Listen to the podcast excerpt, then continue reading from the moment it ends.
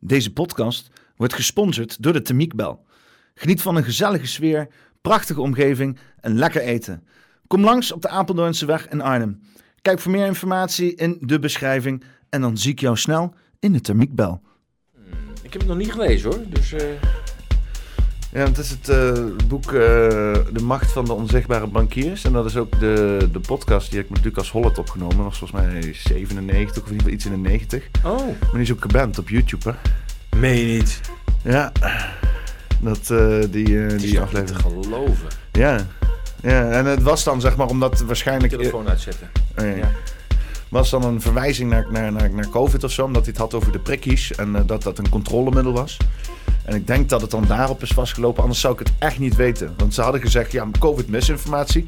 Shit, het ging helemaal niet over COVID, het ging over bankiers. Dus ik denk, waar hebben ze het dan over? En dan Ja. zeggen ze ook van, ja, en dan moet je zelf even de hele boel terugkijken om te uitzoeken waar het zit. Ik zie maar als ik niet weet waar ik naar zoek, wat, waar heb je... Ik Oh, kon je wel met hun communiceren? dan? Nee, niet echt. Je kan dan eh, een, eh, herreview aanvragen en dan kan je er misschien iets bij zetten. En dan moet je hopen dat dat in het Nederlands of het Engels genoeg is. Want je weet dat het gewoon een of andere Indiër is die gewoon daar zit te kijken naar de transcriptie.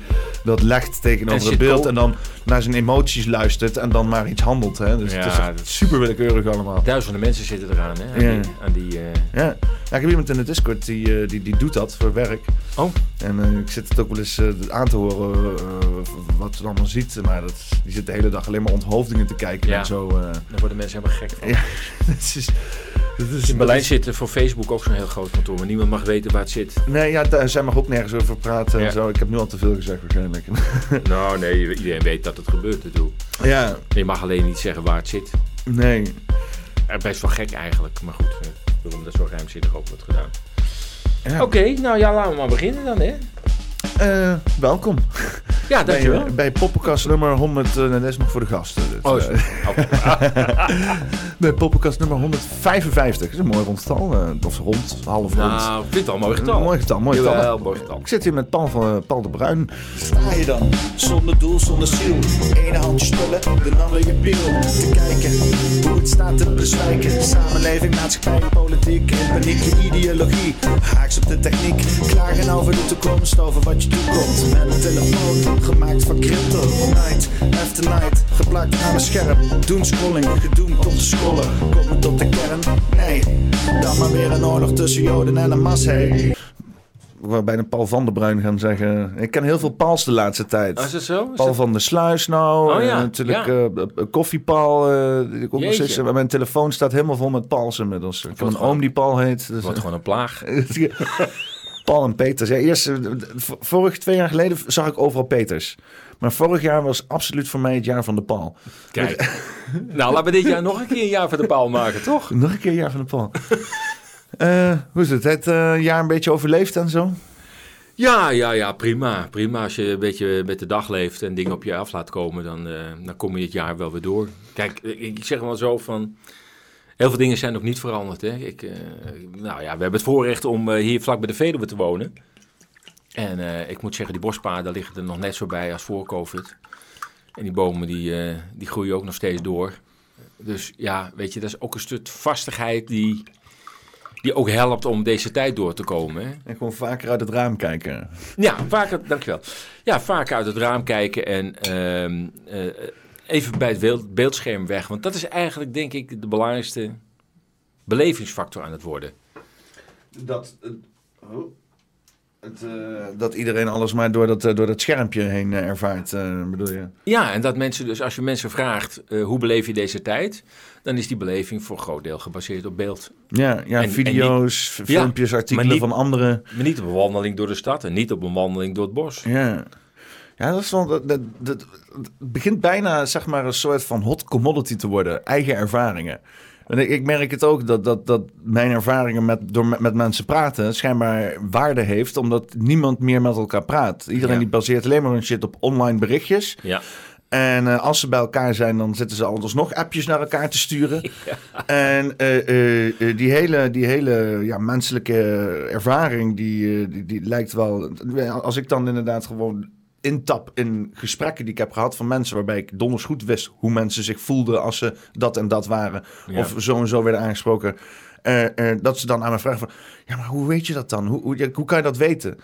Met mensen praten. dat, hoezo? Hoe kan je dat weten? Je kan met mensen praten, maar dat is schijnbaar... eh, ja, dat is, dat is heel, eh, heel uniek of zo. En dat maakt ook het verschil, denk ik, tussen wat ze dan eh, de wakker en de slapers noemen. Wat ik toch wel een beetje een moeilijk onderscheid vind. Want ik merk dat tussen slapen en wakker zijn er nog heel veel stadia eh, zijn en heel veel nuance eh, eh, is. Maar dat het verschil is dat de ene zijn waarneming vooral baseert op wat hij om zich heen ziet. En hè, bijvoorbeeld, eh, de schappen bij, bij de supermarkt zijn nog steeds vol. Dat is wat de persoon, de, wat sommigen dan noemen de slapers waarnemen. En de wakkere, die, die, die is alleen maar met, met zeg maar social media bezig. En voorspelt al drie jaar lege schappen. Die er nog steeds niet zijn. Ja, Of- even een paar momenten, zeg maar. Hè? En dan was het ook meteen... Ah, dan dat, dat DLC van de Albert Heijn eh, ging Oh, staken. En er ja. waren, er waren in één keer lege schappen. Hier zie je nog wel, lege! Maar dan een weekje later lagen ze weer vol. Dan denk je, ja, nou, fuck it. Eh, Juist, precies. En dat geldt ook voor de cyberattack die al in 2020 bij het World Economic Forum als eh, oefening kwam. Ik heb er toen ook een artikel over geschreven. Zo van, ja, ik wil eens weten wat die oefening inhoudt. Nou, als je A, al keek naar de deelnemers, dan denk je, nou, zo groots is het nou ook weer niet. Er zat Albert Heijn, geloof ik, bij Ahold, een Russische bank. eh, eh, Een heel raar gezelschap dat ik denk, jeetje, moeten die nou... En wat bleek het nou te zijn, die cyberoefening? Die bedrijven konden zich inschrijven, gewoon op de website van het WEF. Of je mee wil doen aan een cyberattack. Zo was het, hè? Had niemand naar gekeken, maar je kon gewoon inschrijven. En als je dan inschreef als bedrijf, kreeg je software toegestuurd. Die kon je dan downloaden en daar kon je een cyberattack mee eh, is- Simuleren. Dus het was een simulering. Dus een aantal bedrijven hebben gewoon geoefend met... ja, wat gebeurt er nou een cyberattack? Maar het was maar een handvol bedrijven. Maar Ja, op social media ging dat helemaal viral. Ja, met mensen die zijn wel aardig eh, hapig op simulatie. Hè? Met, eh, sinds die hele event 10 201 was Ja. ook zeg maar een simulatie. En in één keer een half jaar later met een echte pandemie aan broek. Dan gaat iedereen toch aan zijn oren krabben wat deze simulaties allemaal teweeg brengen, zeg maar. Ja, is ook helemaal waar. Ik snap ook wel dat het hele vertrouwen weg is. Ja, het was eh schappig. Hè? Ze hebben nu, eh, zijn nu bij Dav- Davos, eh, komen ze weer samen. Ja, binnenkort, volgende week volgens Ja, mij. ja. ja. En het thema is de, de vertrouwen met, met de burger Ja. weer terugwinnen. Hè? Ja. Dan gaan ze met z'n allen daarheen, lekker kooksnuiven, hoerenneuken, op kosten van, eh, van, van de rest van de wereld. Om te vragen met, afvragen met elkaar, hoe gaan we de vertrouwen van die mensen weer terug, terugkrijgen? Ja. Ja. Ja. En ze gaan natuurlijk praten over Disease X. Ja. Ja, maar die is er toch al? Dit zitten we de hele dag toch op? Op X? Ja, ja, ja. ja. Op gaat het de hele dag viral. Ja, inderdaad. Ja, ja, ja. Dan heeft die Musk toch wel goed geschoten met zijn X. Ja. Want nou heeft iedereen het over X. En- Inderdaad, ja. Maar ja, wel in de vorm van een disease. Ik weet niet of dat hele goede PR is. Nee, nou, ik moet, het al, ik moet het allemaal nog zien. Maar ik snap wel na Event 201 natuurlijk, in oktober, november 2019. Mensen die zeggen, ja, ja, ja, toen hadden ze het er ook over. En verdomd, het kwam ook. Ja. Ja, of het nog een keer zo gebeurt, dat weet ik niet. We zijn wel weer vier jaar verder. Mensen hebben heel veel ervaring opgedaan de afgelopen jaren. De- Ze komen er niet meer op dezelfde manier mee weg wat ze toen hebben gedaan. Nee, nee. Met, met praatjes alleen. En, en, en, en dansende verpleegkundigen en, en eh, eh, zogenaamde bekende Nederlanders die de arm opstropen. Ik denk dat gaat niet meer voldoende worden. Ik denk dat mensen zoiets hebben, laat maar aan mij voorbij gaan. Nou, hoe, denk je, hoe ver denk je dat ze bereid zijn om te gaan? Als je nu al ziet wat ze de hele wereld eh, eh, in hebben gestort. Nou, ik denk dat ehm, er op de achtergrond krachten zijn die heel ver willen gaan. Dat denk ik wel. Het punt is alleen, als je ergens een grens overschrijdt, en er zijn natuurlijk al een paar grenzen overschreden, maar ergens komt er een moment, nou je ziet wat er in Duitsland nu aan de hand is, dat mensen voelen van, oké, het gaat die kant op. Dan is de schijn van democratie is weg en dan treedt er een nieuwe fase in. En ik denk dat ze wel zullen proberen uit die volgende fase te blijven. Want dan moet je ook echt de knop gaan omzetten. Dan moet je ook zeggen, en nu kennen we nog maar één model en dat is repressie. Keiharde repressie. Dat zullen ze niet snel doen, denk ik. Ik, ik, ik hoorde al, ik, ik heb dat niet goed uitgezocht, maar ik hoorde wel dat er een aantal ambtenaren, er werd gesproken van iets van 500, al intern protest hadden aangetekend tegen de gang van zaken van de Nederlandse regering. Dat ze zeiden, ja, moeten we dit nou gaan uitvoeren? Is dit nou nog Nederland? En, en hadden ze het dan over specifieke zaken? Of, uh? Nee, ik denk het algemeen beleid dat men natuurlijk ook in de gaten heeft van, ja, wat zit er de Nederlandse bevolking nou eigenlijk allemaal aan te doen hier? Ik ben ambtenaar, maar hiervoor ben ik geen ambtenaar geworden. Ja, ja. We respecteren onze eigen grondwet niet meer. Er worden miljarden worden weggesluist. Niemand kijkt er meer naar. En wij als ambtenaar moesten elke, elke pen moeten we verantwoorden. En, en bij die ministerie gaat 5 miljard weg, bij de andere ministerie gaat 6 miljard weg. En, en, en Rutte geeft overal cadeautjes weg van miljardenhoogte. Uh, wat zitten wij hier nog te doen? Dus die motivatie bij ambtenaren is ook al behoorlijk afgebrokkeld. Dat men zegt, ja, ik kwam met een soort ethiek bij de overheid om nou ja, het land te dienen, dingen beter te maken. En dan krijg ik zo een aansturing. Dus er komt een kantelmoment dat, dat als men nog verder wil gaan, dan is de schijn van democratie is helemaal weg. En dan gaat het volk ook anders reageren. Ja. Want uh, uh, vorige podcast, deze wordt over een weekje uitgezonden of eind van de week. Dus maar ik heb eergisteren hier met, met Amy gepraat. Ja. toen hadden we het begin over accelerationisme. Ja. En toen, jij stuurde nog een berichtje erachteraan van, ja. hey, ik heb een stuk over geschreven. Ja. Ik heb het niet gelezen. Nee, want het is nog niet live. Ik oh, schrijf, ik schrijf, oh, dat komt eraan. Ja, ik, ik schrijf vooruit namelijk. Oh. Ja, ik kan even een tijdje geen inspiratie hebben en dan moet het toch gewoon doorgaan. Kan, kan je al iets erover vertellen of uh, moet het uh, een beetje... Nee hoor, het, het, ik, ik heb alleen dat woord niet meer precies in mijn hoofd, want het is een hele uh, ingewikkelde term. Ik, Had je het, ges je het Ik heb het wel gestuurd. Kun je het nog even ja, opzoeken? Ja, ik kan het erbij pakken. Waar het om ging is dat binnen Silicon Valley, want daar komt het vandaan, dat hele verhaal wat ik heb geschreven. daarboven staat het ergens. Een afkorting is het. ja, TESCREAL. T-E-S-C-R-E-A-L. Nou, dat is een afkorting. Uh, ik heb het niet in mijn hoofd zitten hoor, want het, het, het, uh, elke letter staat voor een bepaalde stroming. Maar die stroming hebben wel iets, waarschijnlijk kun je oh, het... Transhumanism, extropianism, oh, ja. singularitarianism, cosmism, rationalism, effective, uh, effective altruism en long-termism. Echt. Ja, het is verschrikkelijke termen. Ja. en het lijkt allemaal heel ik, ik, ik ga ook gewoon een ism openen. Altijd blijven smokeism. ja, ja, het is ook maar wat, hè? Nou ja, als je, maar als je dat leest, ik heb dat ook uitgelegd in, die, uh, in dat artikel. Uh, of ik ga het uitleggen, hè, want dat wordt nog gepubliceerd.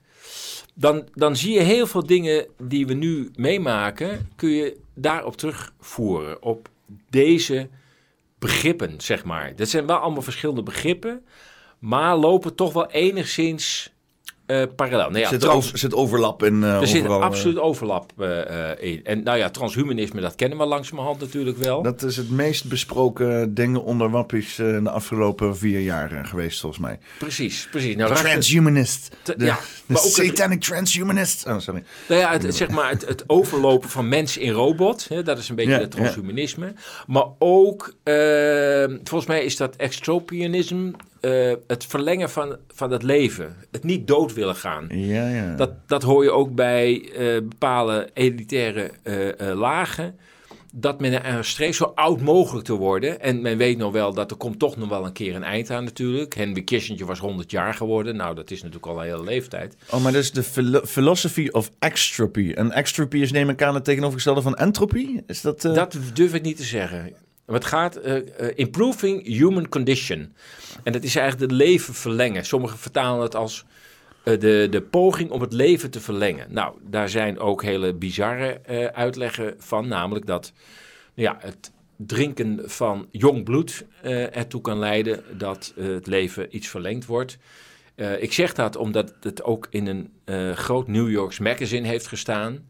Uh, dus anders had ik het uh, niet uh, durven zeggen. Want ik denk, ja, ik vind het zo bizar om, om dat überhaupt te beweren. Maar het heeft gewoon, ik, volgens mij was het Newsweek, heeft daar gewoon een cover aan, het artikel aan gewijd aan mm. dat fenomeen.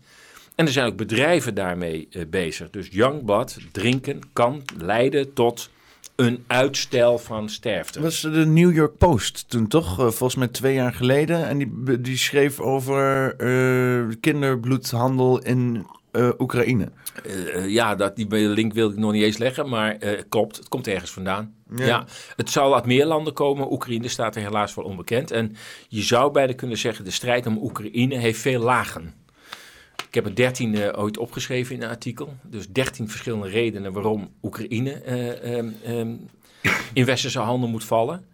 Eh, maar één van die 13 redenen is naar mijn idee, daar gebeuren dingen die in andere landen niet kunnen. En één daarvan is dit. En eh, hoe gek het ook klinkt, ehm, er vindt ook heel veel orgaantransplantatie plaats. Of in ieder geval orgaanverkoop, handel in organen. Waarom zou dat gek klinken? Eh, nou ja, je moet het in verband brengen met de oorlog. Heel veel mensen overlijden. En er blij- er zijn er Het heel zijn veel... goede gouden tijden voor orgaanhandel nou. En, eh, Dat ik denk ik. dat China er ook wel flink bezig is. eh. Dat bedoel ik. Dus ook oorlog heeft ook dit soort... You have some organs for me, friend? Ja, 500.000. ja, Ja, het is, het is heel cynisch. Eh, ik vind het ook heel moeilijk om dat zo te beweren. Maar het, dat is wel een van de dingen die gaande is in, in Oekraïne. Waardoor denk ik ook in bepaalde elitaire lagen er zoveel ehm, motivatie is, laat ik het goed zeggen. Motivatie is om maar door te gaan in Oekraïne. Want dat was dat land waar, en waar alles voor elkaar konden krijgen met corruptie. We konden de landbouwgronden voor een appel en een ei opkopen. Zodat we daar eindelijk met genetisch materiaal aan de slag kunnen. Dat kan in het hele EU niet, maar dat kunnen we daar nu eindelijk wel doen. Ja. Eh, eh, het heeft met de wapenhandel te maken. Ehm, eh, het heeft te maken met de concurrent Rusland. Zo Zou zeg klein maar mogelijk proberen te maken. de wens om Oekraïne binnen Europa te krijgen, zou dat misschien een redding zijn voor ons voedsel? Want als, als ze zeg maar, Oekraïne snel binnen de EU krijgen, dan kan daar ook niet meer die GMO-voedsel ge- gemaakt worden. In ieder geval niet volgens de nou, Europese de, de wetten worden aangepast op dit Ja, moment. inderdaad, ja, natuurlijk. Dus Oekraïne kan straks heel veilig bij de EU. Maar dan kan het overal gebeuren. Dan kan het ook in Polen gebeuren. Of in ja, Nederland. dat klopt. Alleen ze hebben daar heel vruchtbare grond. Dat Ja, is ja. absoluut. En heel veel kunnen, ook. En dan kunnen die boeren hier weg. En dan kunnen daar de plofkippen weer vandaan komen. En het GMO-materiaal. Nee, ik- zat dus met de Discord, zaten we een beetje, een, eh, een beetje te... eh, ik doe dat wel eens, zeg maar, eh, Street View in Google Maps. En dan ga ik dat mannetje gewoon droppen op plekken. En eh, ik drop dat mannetje ergens. Dus ik ben in een papaverveld. In Oekraïne. Ja, Nou, het verbaast me niks. nee. Men zegt Russen... Waar Ja, en het is schijnbaar zo prominent dat je gewoon random zo'n mannetje kan proppen. En dan zag je zo'n familietje ertussen staan. Hoi. Oh ja? nou ja, er ik- zo'n heel veld met van die rode bloempjes allemaal. Hè? Dus het zijn die, die, die poppy fields, eh, toch? Nou, er zijn beschuldigingen dat het Amerikaanse leger eh, daar een belangrijke transportkanaal in is. Ja, als je Afghanistan niet meer hebt, dan moet je ergens anders... eh, Precies. Eh, Daarvoor had je Vietnam. En toen werd het hè, Afghanistan. Het zijn allemaal En- en- landen waar het wel kan, ja. Die, want eh, Rusland heeft natuurlijk ook Afghanistan eh, in de jaren tachtig uh, meelopen. En, en Rusland is ook wel van de, de, de, de, de papaver en heroïnehandel. Ja, natuurlijk. En, en natuurlijk in die tijd was Oekraïne gewoon deel van Rusland, zeg maar. Ja. Hè? Dus, dus, de Sovjet-Unie. Ja. ja. dus, dus die, die, die regionale strijd dat, en, en die handel, dat is, altijd, dat is nooit opgehouden of zo. Dat is altijd daar gaande geweest. Altijd eh, Dat denk ik ook. Drugs en... Ja, dat denk ik ook. Ja, ja. nou ja, de, kijk, de reden dat, dat, dat eh, eh, Rusland toen Afghanistan is gegaan, had natuurlijk ook alles te maken met dat zij in hun, aan hun zuidgrenzen natuurlijk een enorme islamitische rand hebben. eh, waar ze ook wel een beetje bang voor zijn. Ofschoon ze ook heel veel islamieten in Rusland hebben wonen. Maar de, het extremisme zat natuurlijk wel aan die zuidelijke randen. En die werden ook geholpen door de Verenigde Staten. Want die zijn eigenlijk al ja, eh, de Koude Oorlog was op een gegeven moment voorbij, maar een jaar later begon die weer in Servië. Mm. Eh, ja, de Amerika is er constant op gericht om Rusland een kopje kleiner eh, te maken. Liefst zouden ze Rusland in een aantal delen willen opsplitsen. En het bizarre is dat in dag 2020, in zomer, 2022, in de zomer 2022, is er een conferentie geweest in de Verenigde Staten. Waarin, waarin men gewoon kaarten heeft besproken hoe Rusland er volgens hun uit moet gaan zien. Gewoon opgesplitst. Gewoon met namen erbij, grenzen aangegeven. Dus zo moet Rusland door ons worden opgesplitst. Ja. Ja, ik weet niet wat er zou gebeuren als men in het Kremlin zo'n kaart aan de muur hangt. Van Amerika. eh, Van de Amerika. Staten, eh. Weet je?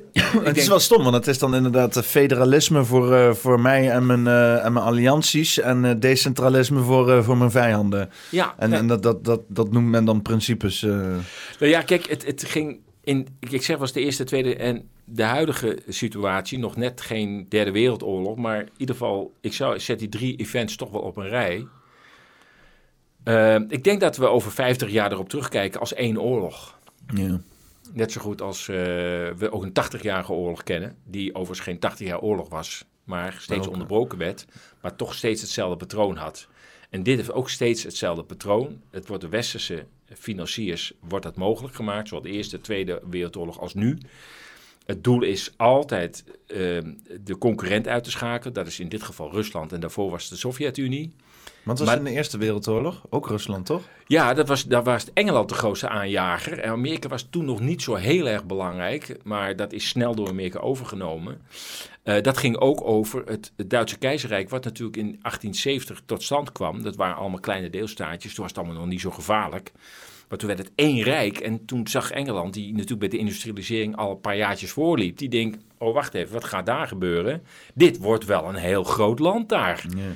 Moeten we dat niet eens eh, kijken of we dat in een oorlog kunnen betrekken en kijken of we dat kunnen verzwakken? Nou, dat is inderdaad gelukt. Ik weet niet precies welke volksvlek uiteindelijk het heeft gestart. Want er is altijd wel ergens een volksvlek waarmee zoiets begint. Was niet Ferdinand? eh, Ja, officieel is dat inderdaad Ferdinand die in Servië werd doodgeschoten.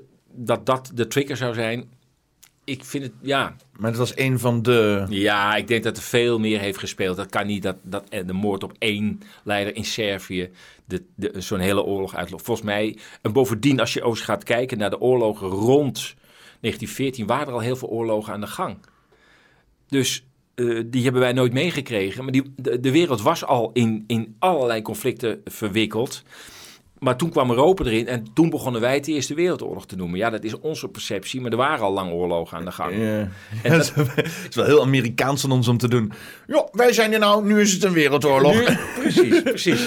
Maar ook toen zag je dat de bedoeling was van Engeland. Want men zegt ook dat, dat zag je ook, dat zie je ook eigenlijk met Oekraïne. We hebben het natuurlijk steeds over de Verenigde Staten als, zijn, als zijnde de, de partij die deze eh, eh, zaak op gang houdt. Dat is ook wel zo.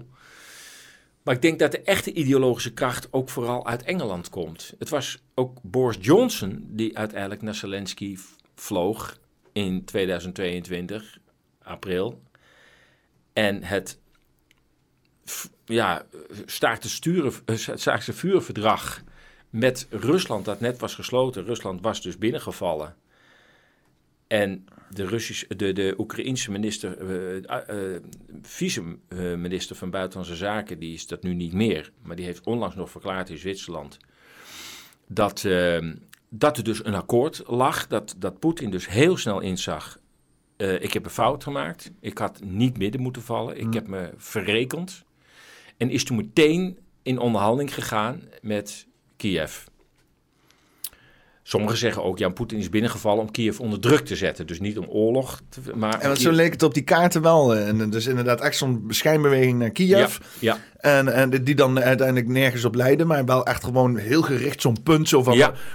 shit, er wordt een speer naar ons gegooid. En ondertussen de hele zuidkant even gewoon eh gekleerd. En daar eh, ja. eh, ja, gewoon succesvol, in ieder geval tot aan die rivier helemaal alles Russisch gemaakt. Dus het leek net alsof het zo'n zo'n zo'n zo'n E2'tje was. Hè? Zo van, hoe kijk hier en dan daar aan de onderkant. Nou ja, het was een dubbele strategie. Aan de ene kant zorgen dat zeg maar, het oosten na acht jaar bombardementen vanuit Kiev een keer wat veiliger zou worden. Maar de andere kant ook de regering in Kiev onder druk zetten. Van je moet nou echt met ons gaan praten. We hebben het eh, in december 2021 hebben een laatste poging gedaan om deze oorlog te vermijden. Daar hebben jullie nee op gezegd. Nou, nou zijn we binnengevallen. Wil je nu dan wel praten? Nou, dat wilden ze inderdaad. Dus het leek te lukken. En er kwam een akkoord in Ankara, geloof ik, dat het, of Istanbul, even de twee, in de Turkije in ieder geval, kwam er een akkoord uit. Eh, waarvan Rusland het nog zou moeten uitwerken. Maar ze waren in principe erover akkoord van hoe gaan we dat verdelen. Een van de belangrijkste punten was: Rusland ging weer, zou weer teruggaan uit Oekraïne. Er was ook niet zo heel veel gebeurd op dat moment. Hè? Dus al die vernielingen, al die bombardementen die uiteindelijk Rusland heeft veroorzaakt, die waren er allemaal nog niet. Dus al die steden waren nog intact. En ze hadden gezegd, nou oké, als we dit akkoord kunnen krijgen, dan trekken wij ons weer helemaal terug uit Oekraïne. Zoals we dat eigenlijk de afgelopen jaren, sinds 1991, toen Oekraïne afhankelijk werd, hebben we nooit één vinger uitgestoken naar Oekraïne. Dus dat, wij trekken ons weer terug. Nou, de NAVO heeft toen aangegeven in een vergadering in Brussel, wij willen dit niet. Wij willen doorgaan. We willen geen akkoord met Rusland. En toen heeft Zelensky twee dagen of drie dagen later nog tegenover de Russische televisie notabene, dat kon toen nog, eh, heeft hij trots verteld dat er een akkoord lag. Terwijl de NAVO in Brussel al had gezegd, uh ga niet door. Het geeft aan dat Zelensky dus toch die vrede wilde. En dacht, ja, eh, ik ben zogenaamd vredespresident. Want daarmee zou hij verkozen zijn, omdat hij toen had beloofd, ik ga vrede brengen in het oosten van Oekraïne. Het feit dat hij al hoorde uit Brussel, dit gaan we niet doen. En hij toch twee dagen later nog tegen de Russische televisie zegt, we hebben een akkoord. Toen kwam Boris eh, Johnson in het geweer en die denkt, ik, we moeten hem even persoonlijk de oren gaan wassen. Want hij luistert niet. En toen is Johnson naar Kiev gevlogen en, Jo- en, en, en eh, Zelensky onder druk gezet. Nou moet je echt je mond houden. We hebben gezegd dat we doorgaan en we gaan ook door. Dus eh, gooi het maar weg. We gaan door. En ja, toen kon Zelensky... Ik weet, weet ook niet hoe die verhoudingen liggen met corruptie en geld en, en weet ik allemaal niet. Maar toen eh, hield Zelensky... Toen, werd er meteen een, een mediateam vanuit Nederland naar Oekraïne gestuurd. eh, persoonlijk Zelensky een groene trui aan te trekken. Oh, is dat zo? Oh, dat Ja, weet ik al niet eens. ja, Ja, het begin was een, een, Nederlands marketingteam die werd, die werd ingezet om, om de communicatie te gaan doen vanuit Kiev over de oorlog. En toen kwam dus het hele groene trui gedeelte en de logootjes overal. En, ja, hè, ja, dus ja, ja, die- ja. die- die- Toen werd het marketing. ja, die vormgeving. En het werkt. Eh, iedereen haat ook Russen, joh. Dat is echt niet normaal. Of iedereen. Eh, mensen, en ik zie online heel veel mensen die gewoon... Die dan schijnbaar Oekraïens zijn of zo, of whatever. Of misschien Pools. En eh, ja, die kunnen, als die eh, een Rus eh, tegenkomen, dan dat is alsof nu, of toen misschien een, uh, nazi, een nazi een Jood, of een Jood een nazi Ja, zou ja, tegenkomen. ja. On, onvergeeflijk, het zijn geen mensen meer, zeg maar. Het zijn geen mensen ja, meer. Ja, dat hoort ook wel bij een oorlog natuurlijk. Maar ja, je moet je ook realiseren dat, dat er heel veel Oekraïners gewoon, niet alleen nu, want nu zijn er nog 3 miljoen bijgekomen. Maar daarvoor woonden er ook al, ik geloof, iets van 10 miljoen Oekraïners in Rusland. Want ja, ja het was ooit Sovjet-Unie. Ja. En het was net een soort provincie Gelderland van, uh, van Nederland. Ja, het maakte ook niet uit of je als Gelderlander in Noord-Holland woonde. Ja, who cares? Ja. Weet je, het, ze spraken ook allemaal Russisch, dus ja, maakt toch allemaal niks uit. Je woont in Oekraïne en je, je, en je, en je werkt in, in Rusland, net over de grens, of andersom. Je hebt familie daar. Dus er wonen iets van 10 miljoen Oekraïners in Rusland. Uh, er kwamen er nog een paar bij natuurlijk, want er zijn heel veel vluchtelingen die zeggen, ja, hier naartoe gekomen. Maar er zijn er ook heel veel die Russisch spraken, die zijn naar Rusland gegaan. En uh, uh, wat ik ook begreep uit berichten is dat de, Oek de Oekraïnse popmuziek in Rusland extreem populair is. Populairder dan Russische popmuziek. Nee. En het wordt gewoon gedraaid. Nog steeds. Nog steeds. Dus, uh, en, en die, die Oekraïners werken ook gewoon op ministeries. Die zijn, het, het is gewoon onderdeel van de Russische samenleving.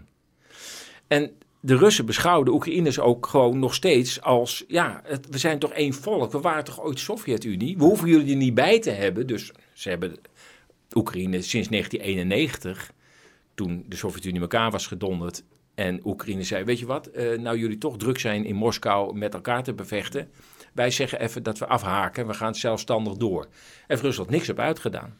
Ik bedoel, dat land kon gewoon onafhankelijk worden en uh, prima. Alleen Sebastopol, daar ligt onze marinehaven, zei Rusland. Dat willen we toch wel graag houden. Dus kunnen we daar niet iets over afspreken? En daar is toen een heel langlopend contract over afgesproken. Over het gebruik van Sebastopol op de Krim. Maar Rusland heeft toen niet geëist van ja, we willen de hele Krim erbij. Nou, hou jij die Krim maar, als wij die haven maar houden. Ja, toen begon uiteindelijk al vrij snel het ge geleur met, met, met de NAVO. En, en toen... hebben ze toen die haven afgepakt van de Russen of zo, dat ze daarom de Krim binnenvielen? Of, uh... Nou, nee, het, het, uh, toen, toen uh, het Westen over toetreding van de Oekraïne bij de NAVO begon. Oh.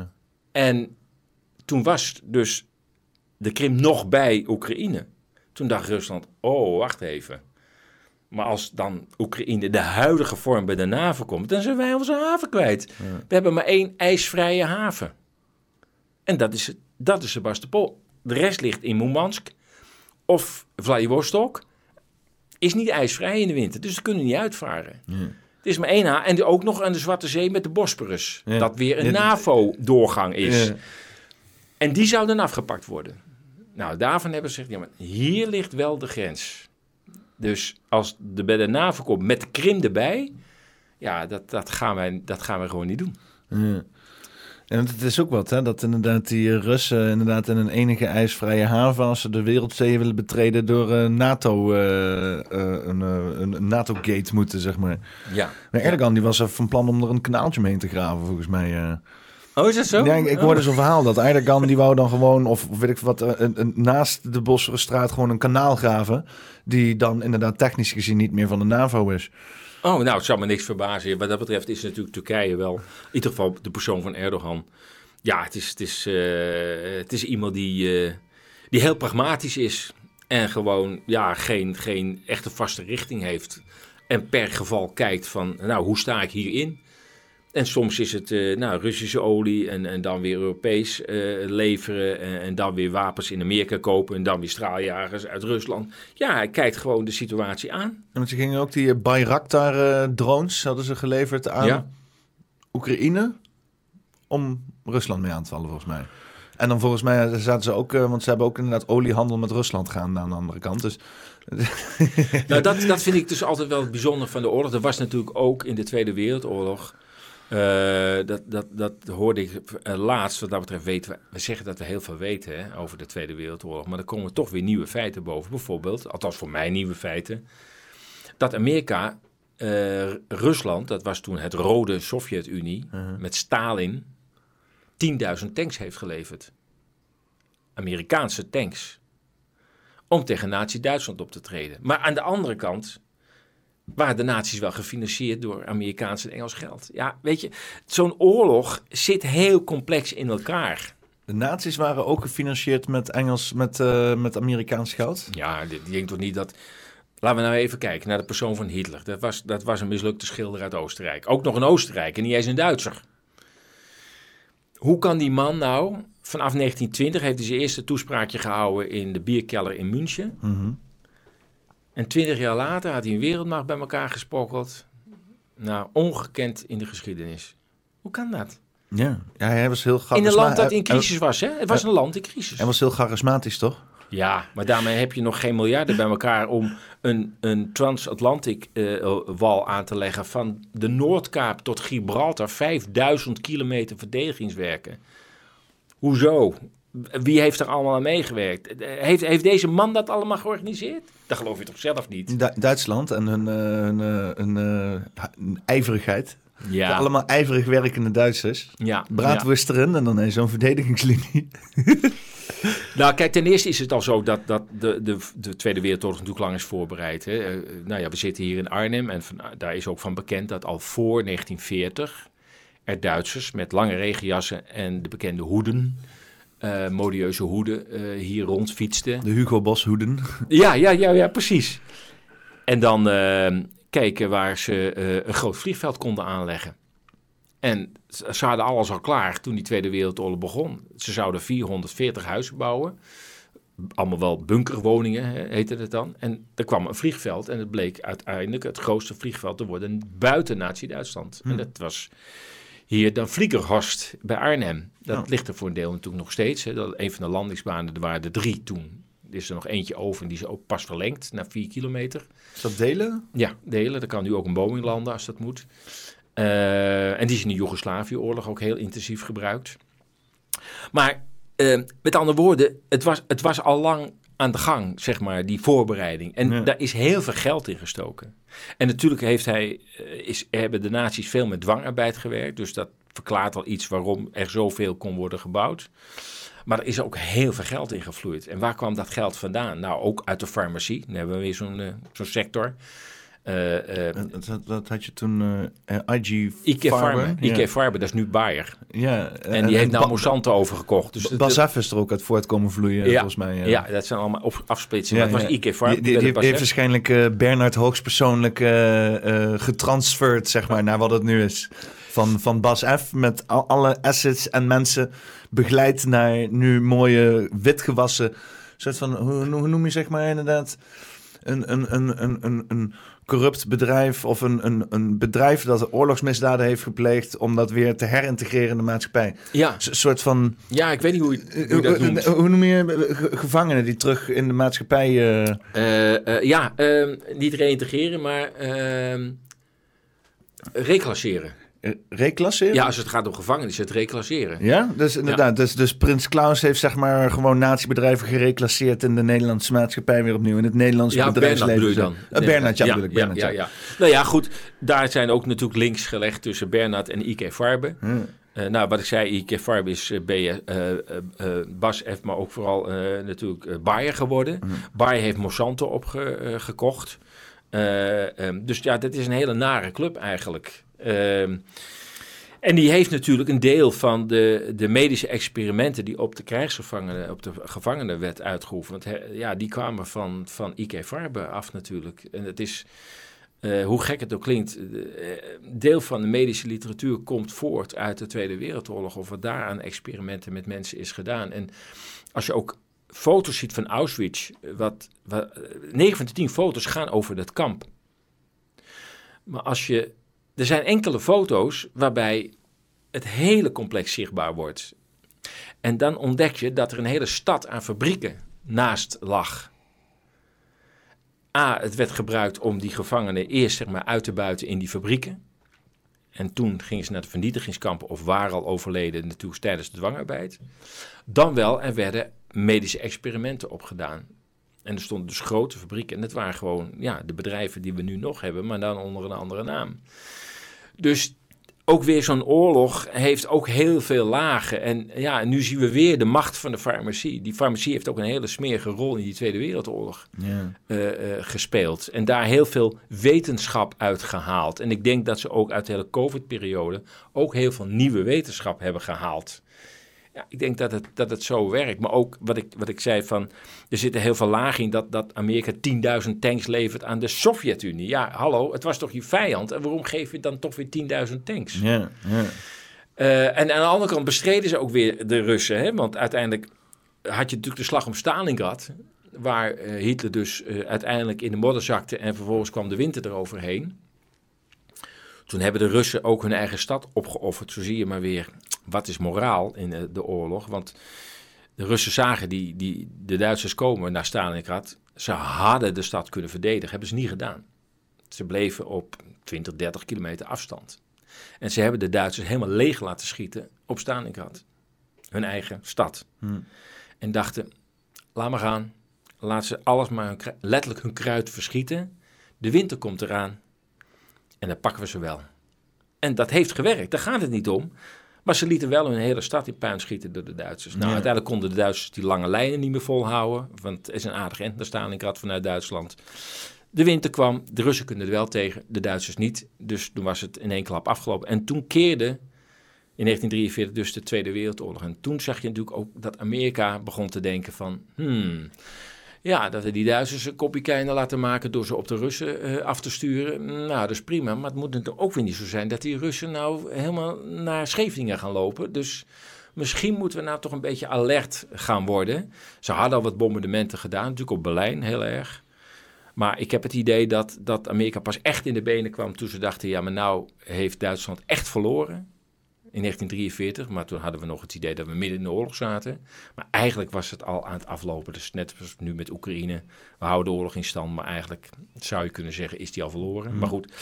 Ehm, en dat toen, zeg maar, eh, de Amerikanen zoiets hadden van... ja, maar wacht even. Die kwamen ons bevrijden toen.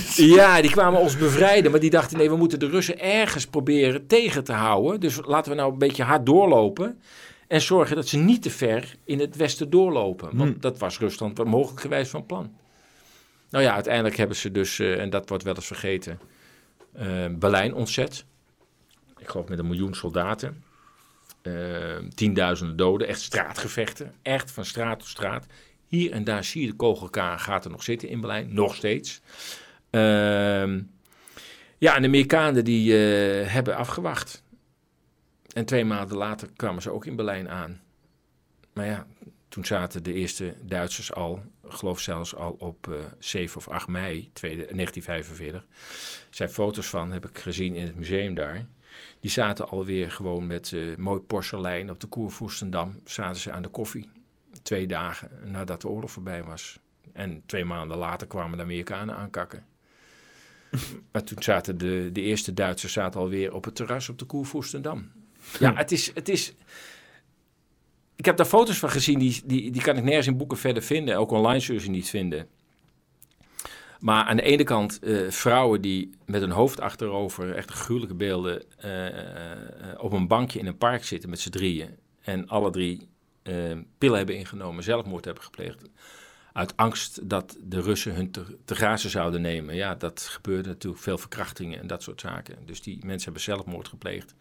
En is de oorlog voorbij. En dan, zit, en dan zie je een foto, die is geloof ik 7 mei genomen, 1945. Zitten de terrassen weer vol op de Koervoerstendam. En dan zitten ze gewoon met porseleinen kopjes weer. Ja. Nou ja, dat, dat, soort, dat soort idiote beelden. Maar ook dat de Russen wel 26 miljoen levens hebben verloren. Hm. Totaal 60 miljoen in de hele Tweede Wereldoorlog. 26 miljoen Russen. Dat zij dat niet vergeten zijn, eh, dat moeten we ons wel realiseren ook bij de oorlog in Oekraïne. hè. 26 miljoen doden vergeet je niet snel. Nee. Wij vergeten ook die 6 miljoen Joden niet. Nee. Zij vergeten ook die 26 miljoen Russen niet. En zij noemen dat ook de Groot Vaderlandse Oorlog. Ze noemen dat niet de Tweede Wereldoorlog, de Groot Vaderlandse Oorlog. En die wordt elk jaar nog steeds herdacht. En de emotie die nu in, Oekra- of in eh, Rusland is, refereert daar toch weer een beetje aan. Dan denken ze, ja, moet je horen, we hebben nou, eh, ik geloof dat de, de, de, de Zweden of de Scandinaviërs hebben een keer Rusland aangevallen toen het nog lang geen Sovjet-Unie was. Napoleon heeft het geprobeerd, overigens Nederland deed er toen ook aan mee, uiteraard. Eh, de nazi's hebben het geprobeerd. Rusland heeft altijd het gevoel gehad, jullie nemen ons altijd te grazen. Is het niet uit het noorden, is het wel uit het westen? Jullie proberen ons elke keer eh, goed te gaan, een paar generaties overheen, maar dan komen jullie weer. Dus terwijl de Russen niet, dat hoor ik van mensen die de Russen goed kennen, of Russen goed kennen, de Russen is weer wat anders. Ehm, die ook zeggen, ja, die Russen zijn ja, aan de ene kant niet naïef, maar soms ook weer wel. Ze zijn niet haatdragend, dus uiteindelijk sluiten ze toch wel weer heel gauw vriendschap. Kijk naar de Tweede Wereldoorlog. Ja, heel snel waren er toch weer contacten tussen Duitsland en Rusland. Het ging allemaal wel heel moeizaam, maar ja, 26 miljoen doden, hallo. En dan zit je met degene te praten die dat georganiseerd heeft. En toch kwamen die Russen weer terug en dachten, nou ja, oké, laten we proberen het een beetje. Nou, dat is, eh, dat is wat sommige mensen zeggen, dat de Russen erg vergevingsgezind zijn. En heel snel weer gewoon normale betrekkingen willen. Nou, nogmaals, ik ken de Russen niet, maar dit is wat ik hoor van mensen die ze wel kennen. Ja. Ja, want, want hoe zit het nou met het Poetin-regime? is dat niet na de Tweede Wereldoorlog ook eh, geïnstalleerd? Of is dat echt... eh, ja, gewoon, eh, of in ieder geval de, de, de, de, die hele... Wat, wat een, zeg maar, je had eerst Sovjet-Unie, dan Ja. had je daar een hele machtsstructuur. En dat is dan allemaal een soort van... Met een partijsecretaris erboven. Ja. Ja, en dan is dat op een gegeven moment in elkaar gevallen. En toen kreeg je gewoon die... eh, eh, wat kreeg je toen? Toen kreeg je Yeltsin, president Yeltsin, die was door het Westen was die gesteund. Want Amerika was toen in de overtuiging, we zijn nu eindelijk van Rusland af. Dit hele zaakje pleurt in elkaar. We gaan ze nog een handje helpen eh, door eh, te dereguleren. Er zijn dus Amerikaanse bankiers en adviseurs eh, hebben daar in Moskou met de Russen om de tafel gezeten. Nou, wij helpen jullie wel een handje op weg naar een normale markteconomie.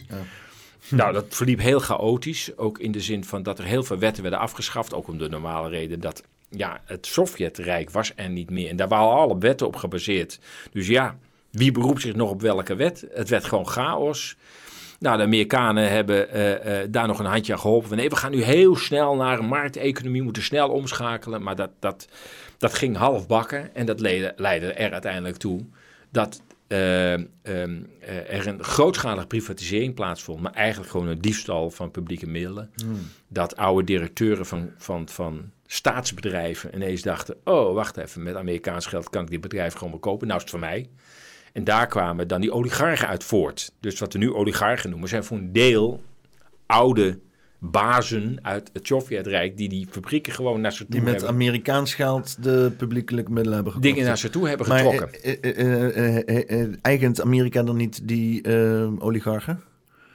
Nou, daar zit een rare dubbele verhouding natuurlijk in. Ik bedoel, kijk, de Engelsen en Amerikanen, zeg maar het Westen, had voordat de Sovjet-Unie eh, de Russische revolutie meemaakte, eh, eh, had je daar het Tsarenrijk. En ja, toen had, de, had het Westen ook heel veel handel met Rusland. Er zaten ook heel veel westerse bedrijven in Rusland.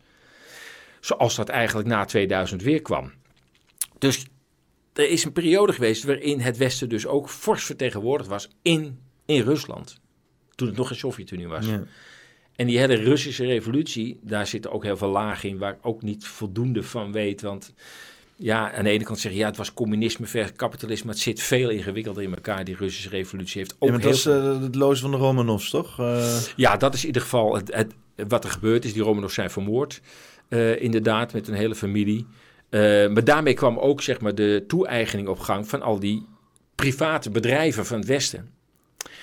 Dus er ontstond al eh, heel veel eh, animositeit vanuit het Westen naar de Sovjet-Unie. Ja, hallo, dat waren onze bedrijven en nu maken jullie daar gewoon staatsbedrijven van. Dat was ooit van ons. Dus het werd gewoon genationaliseerd, zou je het nu zo kunnen zeggen. En nou plak ik twee dingen aan elkaar die ik in de geschiedenisboeken niet aan elkaar geplakt zie worden, maar ik plak ze wel aan elkaar. 1917, 1918 was, nou, er waren in 1905 was er ook al een revolutie, maar 1917, 18 sl- slaagde die. Ehm, en twee jaar later kwam Hitler al op het toneel. ah, ja. Ik denk, dat is snel. En Hitler, Hitler was meteen anti-Rusland, anti-Bolsjewisten. ja. Denk, ja, in wiens belang is het nou dat nog geen twee jaar nadat de westerse bedrijven zijn onteigend in de Sovjet-Unie, de nieuwe Sovjet-Unie, dat er nu iemand ineens op het pad wordt gebracht dat erop uit is om de Sovjet-Unie ten val te brengen. Waarschijnlijk de eigenaren van die bedrijven. Beste geld dus. Die dacht van ja, maar we willen die bedrijven gewoon terug hebben. Maar, hoe, maar, maar dat kunnen wij niet doen. Misschien moet een ander dat voor ons doen. En daarmee trek ik toch een parallel. En misschien ga ik te snel. Met Zelensky. Hmm. Dat is ook een puppet die naar voren is geschoven. Ga jij voor ons even het probleem met Rusland oplossen? Wij gaan het niet doen, maar doe jij het even voor ons. Ja, het kost jou je land, maar ja, wij zitten hier veilig in Amerika. En het was met Duitsland natuurlijk ook. Duitsland werd ingezet tegen Rusland, niet Amerika. Duitsland werd ingezet. En het was twee vliegen in één klap. Want de Engelsen en de Duitsers vreesden dus de industriële capaciteit van Duitsland. Samen met de grondstoffen van de Sovjet-Unie.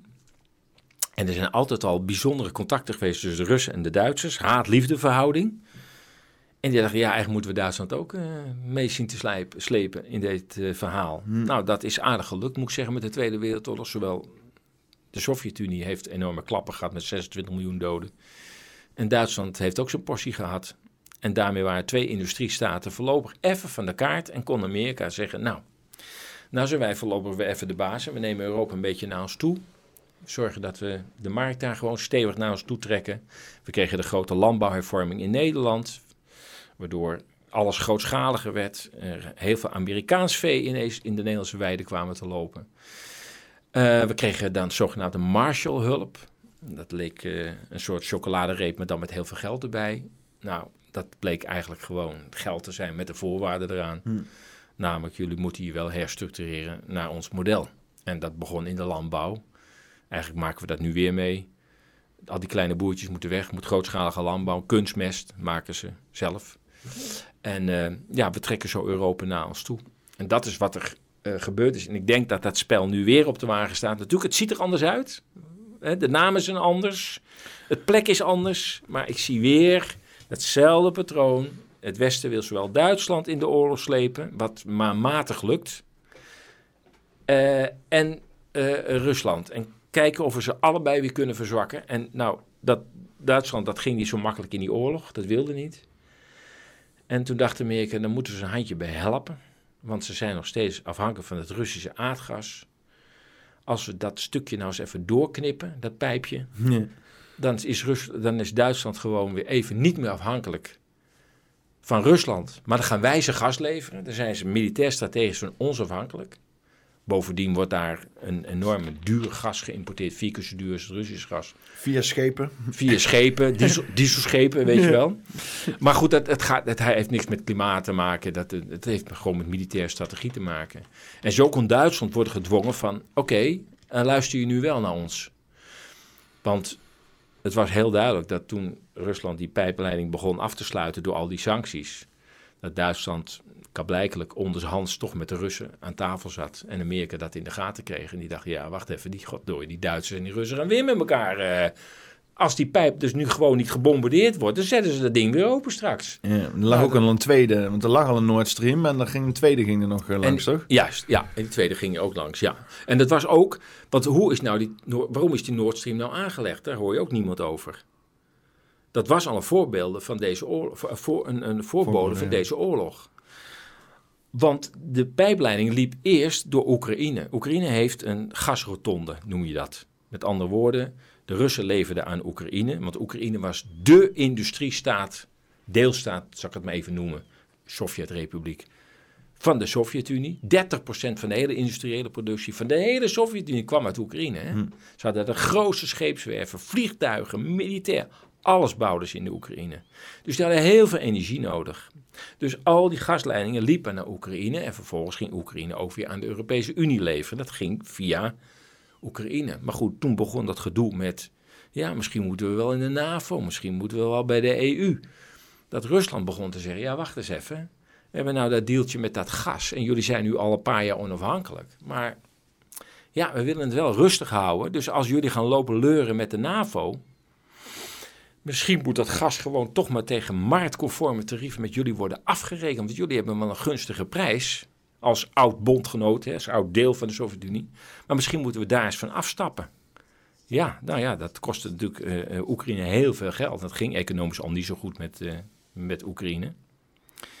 Dus toen begon het gedoe met...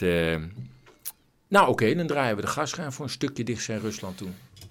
Want Nou, dacht Oekraïne, dat is niet zo erg. Want als we 20% minder druk krijgen uit Rusland, dan draaien we toch de kraan naar Europa 20% dicht. Dan houden wij gewoon hetzelfde volume aan gas. En toen kregen we de gascrisis. En die werd in Ruslands schoot ge- ge- eh, geschoven. Zo van, ja, maar dat doen de Russen. De Russen knijpen het af. Maar het waren de Oekraïners die dachten, ja, maar wij willen gewoon het gas houden. Ook tegen die oude prijs. Dus wij knijpen gewoon Europa af. En toen was het natuurlijk Duitsland die dacht, en Rusland ook, die dachten, dat moet niet meer via Oekraïne. Dat gaat niet goed. Zullen we dat helemaal buiten Oekraïne gaan doen? Gewoon door de Oostzee, rechtstreeks naar jullie Duitsland. Dan zijn we daar allemaal van af. En er, eh, bovendien, Oekraïne rekent tegenwoordig ook geld, transitiekosten. Zijn we er allemaal van af. Nou, toen kwam dus Nord Stream. En toen kwam er zelfs een Nord Stream 2 in tekening eh, eh, in beeld. Van nou, het gaat toch wel goed zo. Hebben we het toch wel goed geregeld met elkaar. Ja, en dat was dus. Da, da- toen begon de opmaat ook dat Amerika zich begon te irriteren. En ook te begon te dreigen van. Ja, die, zelfs Trump heeft nog gezegd. Ik wil niet dat die Nord Stream 2 er komt. En Biden die had nog gezegd van eh, eh, hoe, hoe dan ook, eh, we zorgen dat dat er niet gebeurt. eh. Ja, die heeft het gewoon aangekondigd. En die, eh, eh, Kamala Harris heeft het ook nog eens een keer herhaald. En de minister van Buitenlandse Zaken heeft het nog een keer gezegd. Ja, eh, sterker nog, Biden heeft het zelfs gezegd toen Scholz naast hem stond. En stond te lachen als een boer met kiespijn. Dus er staat iemand naast jou waarvan iedereen zegt dat die je bondgenoot is. En die zegt, joh, niet met een of ander, maar ga jouw land eh, gewoon lekker afknijpen. en dan staat Scholz er gewoon een beetje bij te lachen. Ja, dat, dat geeft aan. Kijk, Scholz wordt achtervolgd door twee grote eh, eh, corruptieschandalen. En ik denk dat hij daarmee ook in de tang wordt gehouden. Ehm, dat hij daardoor ook op die post is gekomen. Dat hij ook chantabel is. Dat hij ook gewoon werkelijk geen weerwoord kon hebben op dat moment. Omdat, ja, hij zit nu helemaal verwikkeld in die schandalen. Wat voor corruptieschandalen? Ja, de cum-ex-schandaal en er is er nog eentje. Eh, dat zijn fiscale schandalen. Eh, regelmatig staat er iets over in de pers, maar het zet niet echt door. Omdat hij nog steeds kanselier is. En hij is natuurlijk heel bang dat als je geen kanselier is, dat je, dat je gepakt wordt. Dat, dat, nou ja, de rechters uiteindelijk, of, of de eh staatsaanbouw, de officier van justitie hem uiteindelijk durft te gaan vervolgen. Ja, nu nog even niet. Hij heeft politieke immuniteit. Maar ja, als, dat, eh, als hij weg is straks en gewoon weer burger, dan nemen ze hem denk ik te grazen. Ik denk dat de Amerikanen dat ook weten en hem daarmee onder druk houden. Van ja, je kunt wel lachen een boer met kiespijn, maar we gaan het toch doen. Dus we gooien dat pijpje eruit. Ja. Ja, het is heel gek, ja, want eh, eh, eh, Hunter Biden, de zoon van, van, Joe. van Joe Biden, president van Amerika, die heeft een hele tijd als CEO van Burisma gewerkt. Ja. En dat was een grote Oekraïnse energieleverancier. Ja, kun je nagaan waar het over gaat. Het gaat over energie. Ja. En kwam op een gegeven moment ook met het hele Epstein gebeuren naar boven. eh, hoe erg eh, Israëlische inlichtingendiensten eh, ook eh, eh, missies uitvoeren om mensen massaal te compromitteren. Ik weet niet precies in welk belang dat is. Is dat in een soort van eh geopolitieke relatie, CIA, Mossad, Five Eyes-achtige taferelen? Wat natuurlijk gewoon de uitvoerende macht is, bij wijze van spreken. En Ja, dan ja. wordt het weggemoffeld als een soort van staatsveiligheid. Maar die mensen die maken zich alleen maar druk over eh, de, hoe veel de wereld nog in hun controle is, zeg maar. Ja, zeker. En dan misschien wat onderlinge strijdjes of zo. Maar dat, dat eh, mag allemaal volgens mij geen naam hebben. Dat eh, denk is, ik. Israël is natuurlijk van groot belang voor Amerika. En Kennedy, eh, die nu eh, kandidaat eh, is voor het presidentschap als hij het haalt, ehm, heeft het ook eerlijk gezegd. En daarmee heeft hij overigens ook heel veel sympathie weer verloren toen hij dat zo zei. Maar hij zei, Israël is voor ons als een vlieg, vliegdekschip in het Midden-Oosten. Hm. Een vooruitgeschoven post om zeker te stellen dat we grip houden op de olievelden in het Midden-Oosten. Ja. Daarvoor beschermen wij Israël.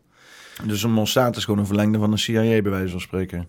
Nou ja, de Mossad heeft natuurlijk weer het doel om te zorgen dat de staat Israël overeind blijft. Eh, en die maar weet. de CIA ook. En de CIA ook. Het zijn dus dubbele belangen. Ja, ja. Israël moet zorgen dat hij in een vijandige omgeving overeind blijft. Heeft daarvoor de Amerikaanse steun nodig. Amerika wil die steun ook geven. Want daarmee hebben ze een vooruitgeschoven post in het Midden-Oosten. Dus ze houden elkaar helemaal klem. En ja, zoals inderdaad wordt gezegd, is dat Epstein mogelijkerwijs is ingezet als wat ze in de Sovjet-Unie overigens compromitat noemden, geloof ik. Compromat. Compromat, ja, inderdaad. Dus eigenlijk hetzelfde verhaal. Chanteer eh, politici op machtige posten en zorg dat ze aan jouw kant blijven. Ja. Maar eh, want eh, dus, dus de CIA, de, de Amerikaanse overheid, financiert en helpt Israël om te bestaan. Israël heeft een inlichtingendienst en die stuurt dan weer mensen terug om mensen in Amerika te compromitteren voor hun eigen gewin, zodat ze Israël blijven steunen. Ja, Het is echt, en, en ja, dat laat dan Amerika, die laat dat toe. Dat, dat, dat een ander land die hun steunen voor hun belang, hun eigen volk eh, gaat manipuleren ten gunste van hun en dan ook ten gunste van de staat van Amerika. Een heel raar cirkeltje eigenlijk. ja. ja, maar dat komt ook omdat je... Kijk, eh, dat geldt voor alle landen. Eh, we hadden het net over Duitsland en over Rusland. Maar dat geldt voor ook Amerika.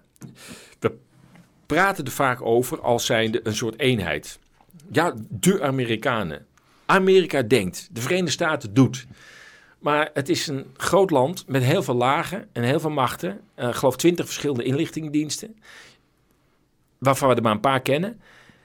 Die hebben allemaal al verschillende belangen. Daar begint het al mee. En die inlichtingendiensten hebben andere belangen dan het Pentagon. En het Pentagon heeft weer andere belangen dan de olieindustrie. En de politiek heeft weer andere eh, oriëntatie. Dus met andere woorden, eh wij zien vaak hele tegenstrijdigheden in één land. Maar dat is logisch, omdat elk land, ook Nederland, weliswaar wat kleiner, maar heeft verschillende lagen en verschillende belangen. Dus soms denk je, ja, maar hoe kan dat nou? Nou doen de Amerikanen weer dit. Ja, maar dat is een andere macht in datzelfde land. Die, die ja, inderdaad, een andere richting kiest. En dat is ook een strijd in dat land. Dus ja, er zijn de neocons die, die, die, die lopen eh, eh, Oekraïne en het hele Westen op te stoken om maar tegen de Russen te blijven vechten. Maar er zijn ook heel veel Amerikanen die hebben zoiets van, ja, hoe lang blijven we ons belastinggeld nog uitgeven aan Oekraïne? Wat hebben we er eigenlijk te zoeken? We worden helemaal niet bedreigd, dus, dus stop er nou mee.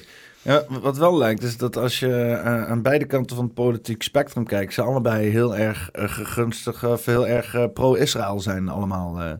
Dat als, als het zeg maar om de om de olie gaat of zo, dat het dan, dan zijn ze het wel heel eens. In ieder geval aan het politieke spectrum, zeg maar. Nou, je, ik... je, hebt nu wel inderdaad heel veel uh, linkse mensen die inderdaad dan pro-Hamas uh, sentimenten, maar dat is volgens mij een hele volkse beweging. Het ziet er niet echt uit alsof mensen die investeringen in Wall Street hebben nou met nee. pro-Hamas vlaggen gaan uh, lopen zwaaien. Nou, ik ben heel benieuwd waar die, want het is toch een redelijk geuniformeerde beweging. Hè? Al die universiteiten en, en, en ook zelfs de media, die normaal gesproken de macht dienen, nu toch wel erg, nou ja, kritisch zijn op Israël, terwijl de politiek dat niet is. Dus er is wel wat gaande in de zin van, ja, hoe komt het nou dat, dat er zo unisono op al die universiteiten ineens allemaal pro-Hamas is? Waar komt dat nou ineens vandaan? Yeah. Dat vind ik ook, dat vind, yeah. ik, dat vind ik te snel gaan. Dat, dat er een aantal universiteiten zijn die of studentenopstanden die zeggen, nou, we zijn pro-Hamas en moet je kijken wat er met het Palestijnse volk gebeurt. Nou, dat is ook terecht wat daar gebeurt. is echt verschrikkelijk. Dat hebben we al lang niet meer meegemaakt. Maar eh, dat dat zo georganiseerd lijkt, dat de media daar ook in meegaan. Dan denk ik, wat zit daar nou weer achter? Ja, dat die ja, ja. media ineens afwijken van de regering. Is het ook omdat men van Biden af wil? Is het ook dat Biden zo langste tijd gehad heeft? Hè, men zit tenslotte achter Hunter Biden eh, eh, aan. De, de, de, Of, of, of zijn ze misschien klaar met het Midden-Oosten? Is dit een soort van endgame van het Midden-Oosten? Wat uiteindelijk resulteert in ook de val van Israël. Wat soort van onvermijdelijk is volgens mij. ja, Zodra de geldstroom ophoudt naar Israël, dan is het hele zootje klaar. Ja, Dan dat denk ik ook. eh, dus, denk- dit, dus dit wordt kunstmatig. Israël wordt momenteel kunstmatig in leven gehouden. Ja, men zegt ook wel dat, dat, dat 7 oktober is toegestaan. Hè. Kunnen verschillende dingen zijn. Hè. Je kunt een volksvlijk echt organiseren. Mhm. Je kunt het ook weten dat het gaat gebeuren en het toestaan. Dat is ook een volksvlek. Eh, men zegt dat 9-11 daarop lijkt. Nou, ik weet het niet. Het kan zowel georganiseerd zijn als toegestaan. En de derde variant, daar eh, ben ik niet zo, eh, eh, daar geloof ik niet zo erg in. Wat is de derde variant? Nou, dat er dat, er van extern ineens een paar vliegtuigen eh, invlogen, totaal onverwacht. Dat, eh, dat, eh, en dat, dat die torens zijn ingestort door twee Oh ja, ja, ja. ja, ja. vliegtuigen die Het, het, eh, het, eh, het, qua materiaal van papier zijn. Het gegeven narratief, zeg maar. eh, ja, Dat, eh, dat, dat, dat- die variant kies ik in ieder geval niet. Ehm, Ja, want bij, bij eh, oktober 7 heb ik ook een verhaal gehoord eh, vanuit de Hamas-kant. Dat het een succesvolle aanval was.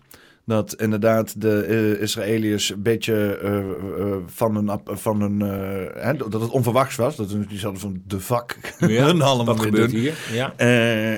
En dat ze in paniek hebben gescrambled. want er lag notabene tussen waar de eh, eh, Hamas-mensen door de hekken heen kwamen... en waar dat festival bijvoorbeeld is. Oh, ja. Daartussen lag een militaire basis. Ehm, dat ze eh, in paniek gescrambled hebben. Dat ze ongediscrimineerd om zich heen gaan zijn gaan schieten op Hamas-mensen. En zo dat hele festival hebben weggemaaid. Want dat festival, dat hoorde daar helemaal niet te zijn. Dat is op het laatste moment is dat verplaatst van daar naar daar. Wat ook heel raar is. Maar je ook dan kan zeggen van... Ja, hey, misschien, Wat is eh, daar gebeurd? eh, hè, want vervolgens is er wel uh, narratief geweest volledig ingezet op de verschrikkelijke dingen die daar zijn gebeurd. En ik wil ook wel zeggen dat die dingen echt zijn gebeurd, maar niet volgens mij op de manier dat, dat het gepresenteerd wordt. Zo van, oh, mensen kwamen in paragliders en eh, met shovels door het hek heen gezet. En toen zijn er maar festivalgangers gaan uitmoorden en baby's gaan Ja, verbranden en ja. zo. En ik echt denk van... kijk, dan, dan zeggen ze van, dat, waarom zouden ze doen? Ja, omdat het barbaren zijn. Dan denk ik van, luister, ben je serieus? Ik bedoel, ik kijk hier in de maatschappij. Ik zie genoeg barbaren rondlopen. Hè? Ja. Die gaan echt niet in wiens gewin in zit om fucking een huis, een ongediscrimineerd huis binnen te gaan en mensen te gaan vermoorden en te, en te verkrachten. Dan snap je dat daar toch consequenties aan zitten. Dan of je bent levensmoe en dan maak je jezelf eraf. Dan kan ik Ja. het begrijpen. Denk van, oh, deze gozer wordt bad shit crazy. Maar om als een hele organisatie te doen met honderden, twee, driehonderd verschillende man livestreamen. eh, om, om dan een soort van barbare actie. Nee, dat was een strategische zet. In ieder geval in hun beleving. Ja. Ja. En, en dan ga je niet in één keer eh, zomaar mensen verkrachten en vermoorden. Hè, dat, dat, dat, eh, dat, dat, dat, dat zou een, een wanhoopsdaad moeten zijn. Of eh, als je al heel lang in oorlog zit, dan krijg je dat soort praktijken. Omdat Ja. dan mensen gewoon verneukt worden. Ja. Maar dit was niet, nou ja, die Hamas-mensen zitten natuurlijk ook al wel heel lang in een hele benarde situatie. Maar waar het op leek, achteraf gezien, en dat kwam dan uiteindelijk naar dat punt waarbij ze die gijzelingen gingen uitwisselen. ja. Ehm, eh, volgens mij iets van 40 of t- 30 eh, eh, gijzelaars, Israëlische gegijzelden. ja. Voor ruim 200 Hamas gegijzelden. Dat is een goede deal. ja. Dan is dus, ze hebben schijnbaar mensen gepakt daar waar Israël op moest reageren. Van ja, we moeten die mensen terug hebben, anders kunnen we niet meer het draagvlak hier creëren. Wat ze doen voor whatever the fuck ze daar doen. ja. Dus zo heb ik begrepen dat er dus inderdaad wat dingen gaande waren. Eh, eh, en dat het dus ja, wel een, een, oprechte aanval was van Hamas. Met als doel gijzelaars nemen, zodat ze de gegijzelde Hamas-strijders die over de afgelopen tijd zijn gevangen genomen, terug konden krijgen. Dat het uit de hand is gelopen met een overreactie van Israël. Door ongediscrimineerd om zich heen te schieten, waarbij eh, burgers, Israëlische burgers zijn om het leven gekomen. En dan kan je afvragen, zijn die burgers daar geplaatst omdat Israël van tevoren wist wat er ging gebeuren? Of eh, is dat allemaal maar per ongeluk gebeurd? En Ja. eh, en, en, en proberen ze de boel bij elkaar te schapen. Op zich maakt het voor het hele gebeuren maakt het allemaal niet uit. Nee, Ehm, de kern van de zaak is natuurlijk dat er eh, een, een, een weeffout zit in, in hoe dat deel van het Midden-Oosten is ingericht. Ehm, eh, dus los van al die incidenten, die incidenten zijn er natuurlijk al 70 jaar. Ik bedoel, Ja. we hebben ook al de PLO eh, gehad met aanslagen op vliegtuigen en dat soort zaken. Dus ja, we kunnen de, de hele, de hele eh, eh, de geschiedenisboeken vullen met incidenten tussen Israël en, en de Palestijnen. Maar uiteindelijk moeten we terug naar de kern. Waarom, waarom komt dit niet tot een oplossing? ja. Waarom kunnen de Palestijnen niet een, een eigen land hebben in, en in welvaart leven? Waar, waar, waar zit hem dat dan in? Ja, en dan kom je tot een uitleg eh, tot, eh, ja, er is een Sio- sionistische beweging die wil gewoon een soort groot Israël hebben. En ja, die Palestijnen zitten daar gewoon in de weg. Ehm, nou, wat je dus ook nu ziet, is dat het toch op lijkt, ehm, tenminste, ik hoor berichten alsof Israël met eh, Congo in gesprek is, om de Palestijnen daar naartoe te verhuizen. Ja, ehm, Weet je wat mooi zou zijn? Als eh, Israël eh, de Palestijnen naar Madagaskar verhuist. Dan is het cirkeltje mooi rond. waarom? Was eh, toen, wordt wel eens verwezen naar dat Hitler in de Tweede Wereldoorlog erover had om de Joden Mm. naar Madagaskar te doen. Ja, ja, dat is ook zo. Dat- Zit je daar te koekeloeren in Madagaskar?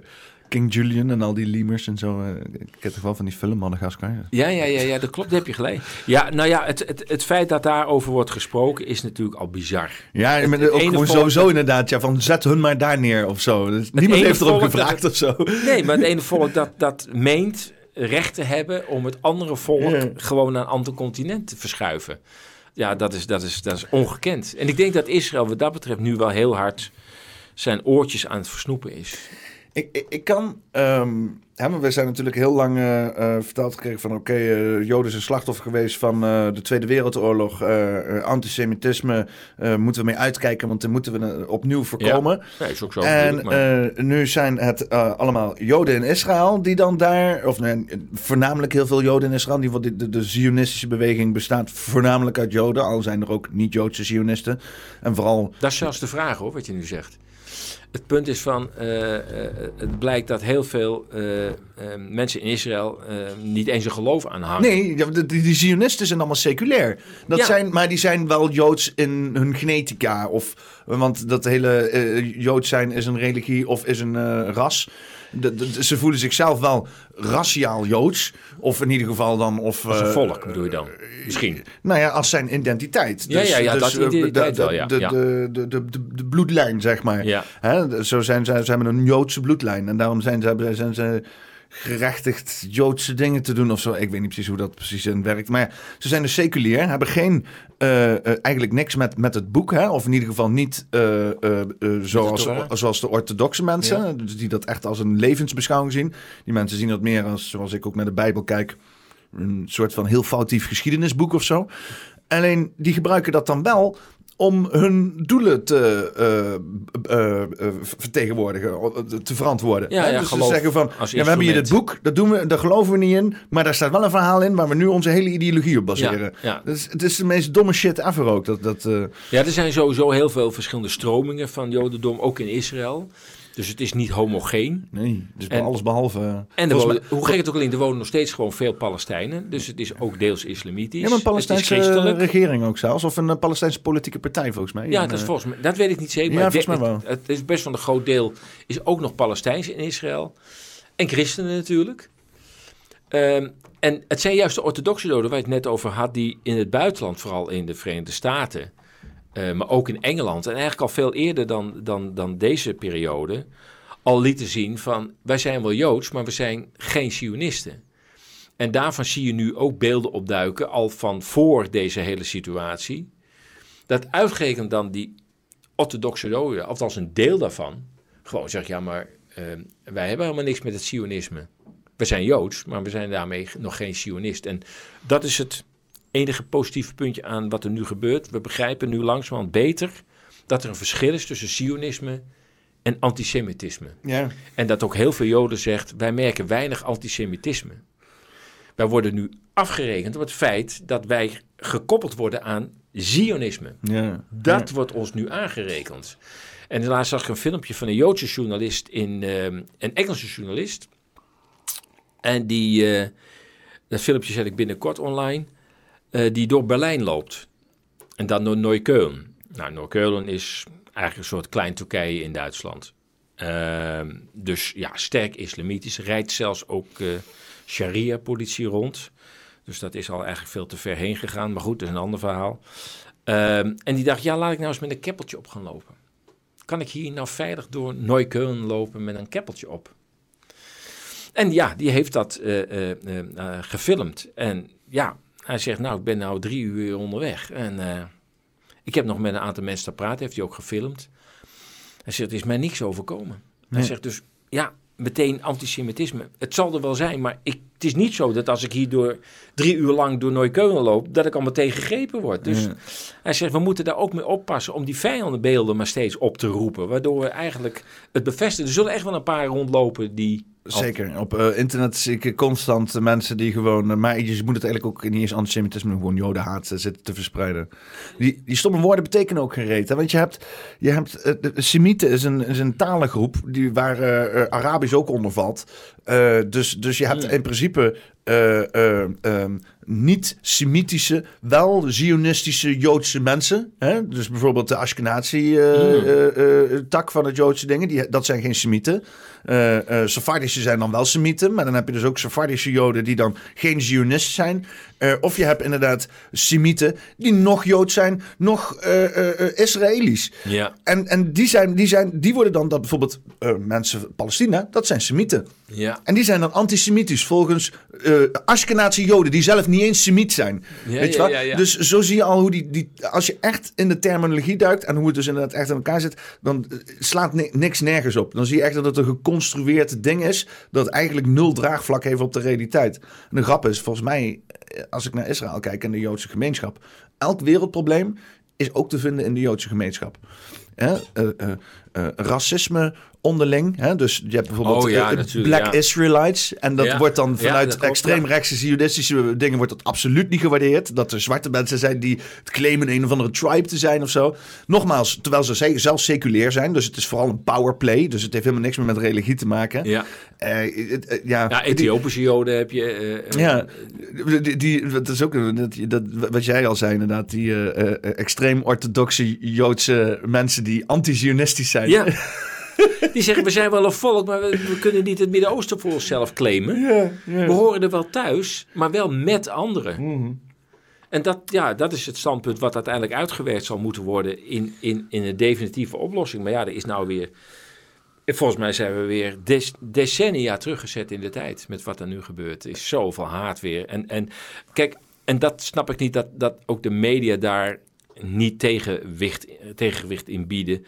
In het, in het narratief van, ja nee, maar Israël wil alleen maar Ham- Hamas uitroeien. Maar weet je, er is een verschil tussen een, een volksbeweging met een, een militante tak, hè, dat is Hamas. Ze, ze organiseren ook de samenleving, maar ze hebben ook een militante tak dat eh, nou, uiteindelijk ook terroristisch kan worden. Hè?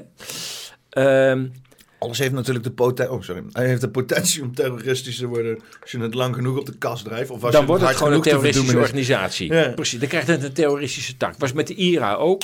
Het heeft een politieke component en De, het heeft een... de Blauwe Tijger was tijdens coronatijd ook een terroristische organisatie. Hè? Oh ja, ja, wat dat betreft wordt die definitie wel heel snel toegepast. Maar, maar even nog terug naar... ehm, kijk, dan ben ik even het verhaal kwijt. Oh, sorry. Ehm, nee, maar het bestrijden van een terroristische organisatie, of in ieder geval een militante organisatie, die ook een politieke eh, poot heeft en een maatschappelijke poot heeft, is niet te doen. Kijk, een leger tegen een leger, het ene leger kan het andere leger tot overgave dwingen doordat het een hiërarchisch georganiseerde organisatie is, waarvan uiteindelijk de hoogste in rang zich kan overgeven. Ja. Zoals Duitsland tegenover de Sovjet-Unie. Als die hoogste in rang, in dit geval was het in de Berlijn generaal Tjukov, als die zegt: wij geven ons over. Of Nou, jij, uh, uh, nazi's zeggen tegenover Tjukov, we geven ons over en is het afgelopen. Want command of bevel, command of, of, of uh, lijn is van, we stoppen ermee. En het leger stopt dan ook. Maar dat kan niet met een terroristische organisatie. Er is niet één man die zegt, oh, ik heb alles onder controle. Als je met mij dat afspreekt, dan is het allemaal rustig. Ja. Ten eerste is het een amorfe organisatie, want wie hoort er toe en wie hoort er niet toe? Ze lopen niet in pakjes. Daar begint het al mee. Ze zijn niet zo goed herkenbaar. Iemand kan gewoon zeggen, ja, dit is Hamas. En dan is het Hamas. Sterker nog, er is nu een hele nieuwe aanwas van Hamas-strijders. dat was een goede PR-campagne. 50% van, die, van, van, van de Palestijnen is jonger dan 15 jaar. Die zien dus dat hun huis wordt gebombardeerd. Hele wijken plat worden gegooid. Ouders of opa's of oma's komen te overlijden. Wat denk je nou? Er is een enorme aanwas van Hamas-strijders. Ja. Dus ja, je, je, je hebt er misschien daar 500 om het leven geholpen. Er staan er weer 1500 klaar. Ja, ja. Die zijn 15, 16, 17 jaar. Maar over een paar jaar hebben ze de hele Hamas verjongd en de zijn ze er weer. Een terroristische organisatie is op deze manier niet te bestrijden. Dus het, het, ja, ik neem aan dat Israël dat ook wel snapt. Ze weten het. Uh... Ze we, we, weten het. Als we blijven roepen, willen Hamas bestrijden, kunnen we gewoon doorgaan. Ja, en, en als er elke keer weer nieuwe uh, uh, uh, fanatiekelingen warm kunnen gemaakt worden voor een terroristische organisatie, kan je ook maar geld blijven uh, claimen om dat te bestrijden en zo. Uh, het, is uiteindelijk het, is, het, is een doel wat nooit gehaald kan worden. Het, dat. Voor de mensen die er allemaal betrokken bij zijn, is het bijna een win-win-win situatie. Zelfs die leiders van Hamas hebben hier uh, inderdaad, die, die, die, die, hebben ook winst erbij, zeg maar. Nou ja, die proberen natuurlijk hun positie te, te, te verdedigen en te laten zien dat ze voor het volk opkomen. Maar goed, weet je... Bleek dat, dat leiders van Hamas ook met miljoenen ergens zaten of zo? Ja, natuurlijk. Weet je, dat is altijd zo. Waar macht is, is ook meteen corruptie. En dat zal bij Hamas echt niet anders zijn. Nee. Uh, helaas. Ik bedoel, we proberen alles te idealiseren. Maar op het moment dat, dat macht zich gaat concentreren en er geld in omloop komt, gaat het overal mis. En dat zal bij Hamas precies hetzelfde zijn. Maar Israël heeft nu een doel gesteld waarvan ze weet dat ze het nooit uh, hoeft te beëindigen. Want ja, Hamas is niet te bestrijden. Dus uh, daar vermoord je de 500 en daar komen er weer 1500 bij. En die lopen ook niet in een pakje met Hamas-logo erop. Dus ja, er, komen weer uh, uh, groepen met, met geweren en dat blijken ineens ook Hamas-strijders te zijn. Ja, het, het, is maar één oplossing en dat is wat Israël dus ook wil. Alles weg. Ja, ja, ja. Dat is het enige doel.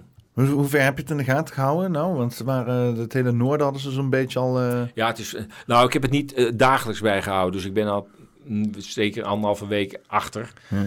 Maar goed, je ziet dat natuurlijk de, de hele zaak naar het zuiden wordt gedreven.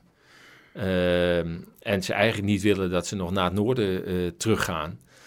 Uh, daar schijnen ook energievraagstukken uh, een rol te spelen bij de Gazastrook. Ja, er zit een olieveld of zo erachter, hè? Ja, er zit een olieveld voor. Aan de andere kant denk ik ook wel eens van... als Israël en Amerika willen, dan kunnen ze natuurlijk dat sowieso wel ontginnen. Ik bedoel... ja, die hele kust is al een beheer van Israël. Ja, daarom. Dus de, daar, volgens mij gaat het daar niet echt om. Uh, maar er schijnt ook een, een heel groot aardgasveld onder Palestijnse bodem te liggen, onder Gaza. Onder Gaza zelf. Oh, ja. En dat is, dat is een enorme voorraad. Dus dat olie, daar kunnen ze waarschijnlijk nu toch ook wel bij. Maar dat gas, dat zit gewoon echt in de grond in Gaza. Men zegt dat dat een rol kan spelen. Ik weet het niet. Ik bedoel, ja, uh, wat ik zeg, uh, voor, voor de Amerika heb ik ook 13 redenen kunnen bedenken waarom ze Oekraïne willen hebben. En ik denk dat er voor Israël ook een lijstje te maken is. En dat er niet één reden is. Ik denk dat er meerdere redenen zijn. Gaza, Groningen, gas. Moet bij plaatsen die beginnen met een G gaan kijken. Graven. ja. ja, ja, dat is waar. Ja, ja geven gas. Ja.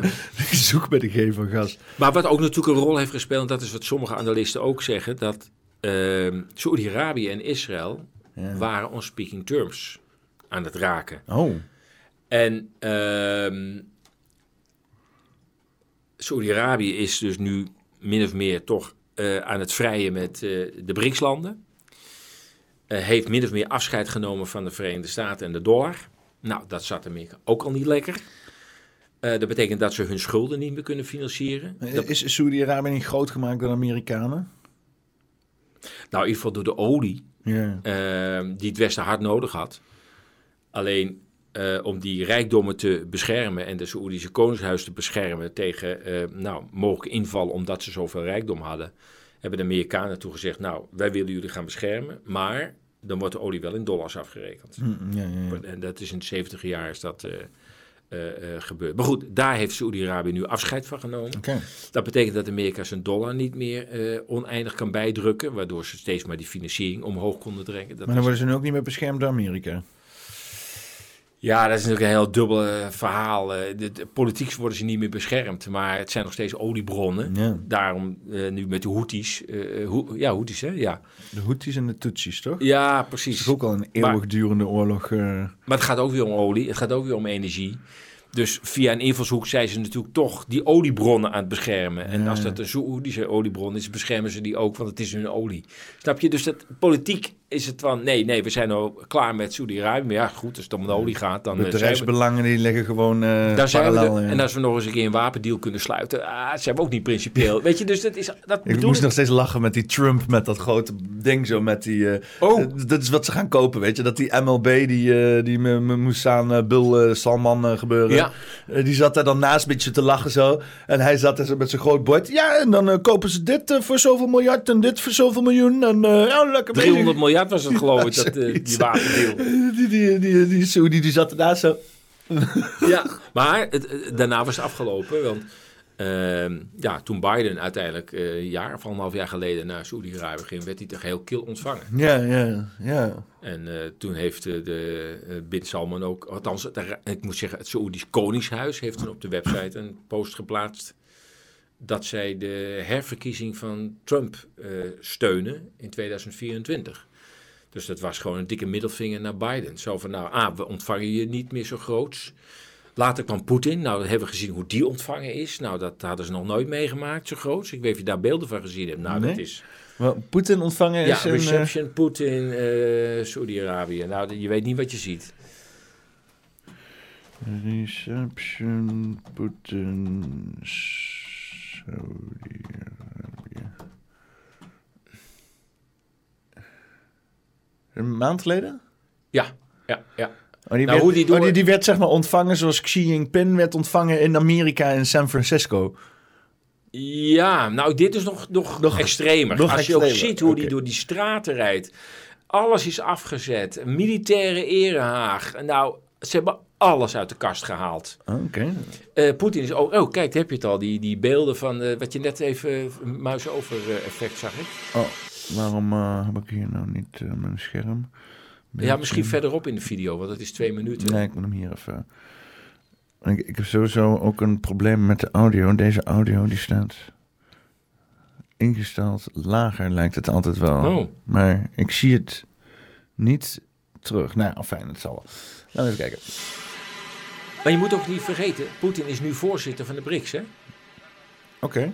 Want wie was eerst voorzitter van de BRICS? Dat was volgens mij... Ja, Rusland heeft altijd al de lead gehad, omdat het hun initiatief is. Ja. Volgens mij was er nog geen voorzitter. Ah, Oké. Tenminste, ik, ik ken niet de naam van de voorgaande. Maar hij is nu voorzitter. Nou, hij wordt er echt met alle... Kijk, dit. Nou, Biden is echt anders ontvangen, hoor. Dat kan ik je wel vertellen. Er was toch een heel lullig eh, bandje met twee trompetters die daar zo stonden. En hij is niet bij de koning ontvangen, hè? Ook nog met, eh, met ambtenaren of zo. Nou, eh, ja, kijk, dat bedoel ik. De Straaljager. Russische vlag in een straaljager. eh, zie je dat? Ja, dat is wel... eh, ja. Ze hebben alles uit de kast gehaald. Kanonnen. Zo is nog geen Amerikaan ontvangen, hè? Nee. Dus Vro- dat vro- vroeger, vroeger deed Amerika dit voor zichzelf, maar zelfs dat ook niet eens meer. zelfs dat niet meer. Nee, precies. Dus kun je nagaan hoe die verhoudingen zijn veranderd. Dat, dat Biden dus wordt afgescheept met een kleine rode loper. Is eh, Amerika gewoon al niet gevallen? Want, dit, de, want alles draait natuurlijk allemaal om die beeldperceptie. Ja. Als dat af is gelopen, dan, dan is de rest toch slechts nog maar een, eh, een kwestie van tijd. Als dit zeg maar een generatie lang doorgaat, dan neemt niemand eh, in Amerika toch meer serieus. Nou ja, dat is natuurlijk wat al heel veel mensen niet meer doen natuurlijk. Ja, ik, Maar neem het ook al niet serieus. Zeg je? Ik neem het ook al niet serieus. Nee, maar... Le- Leuke films. Ja, Eh, oh, de cultuur is nog steeds voor heel veel hatelijke, Europeanen hatelijke goede fastfood. Of nou ja, goed wil ik niet zeggen. Hatelijk verslaafde fastfood. Dat is wat anders. Ja, ja, ja. Eh, maar eh, ja, ik heb Amerika, dat, eh, Nou ja, ik wilde heel graag een keer heen. En, en de mensen, en dat vind ik leuker zo. Maar die regering, dat mag... eh, Ik ben er al vier keer geweest. Ik vind het een heerlijk land. Het is sowieso een mooi land. Waar, ben, waar, ben, waar ben je geweest?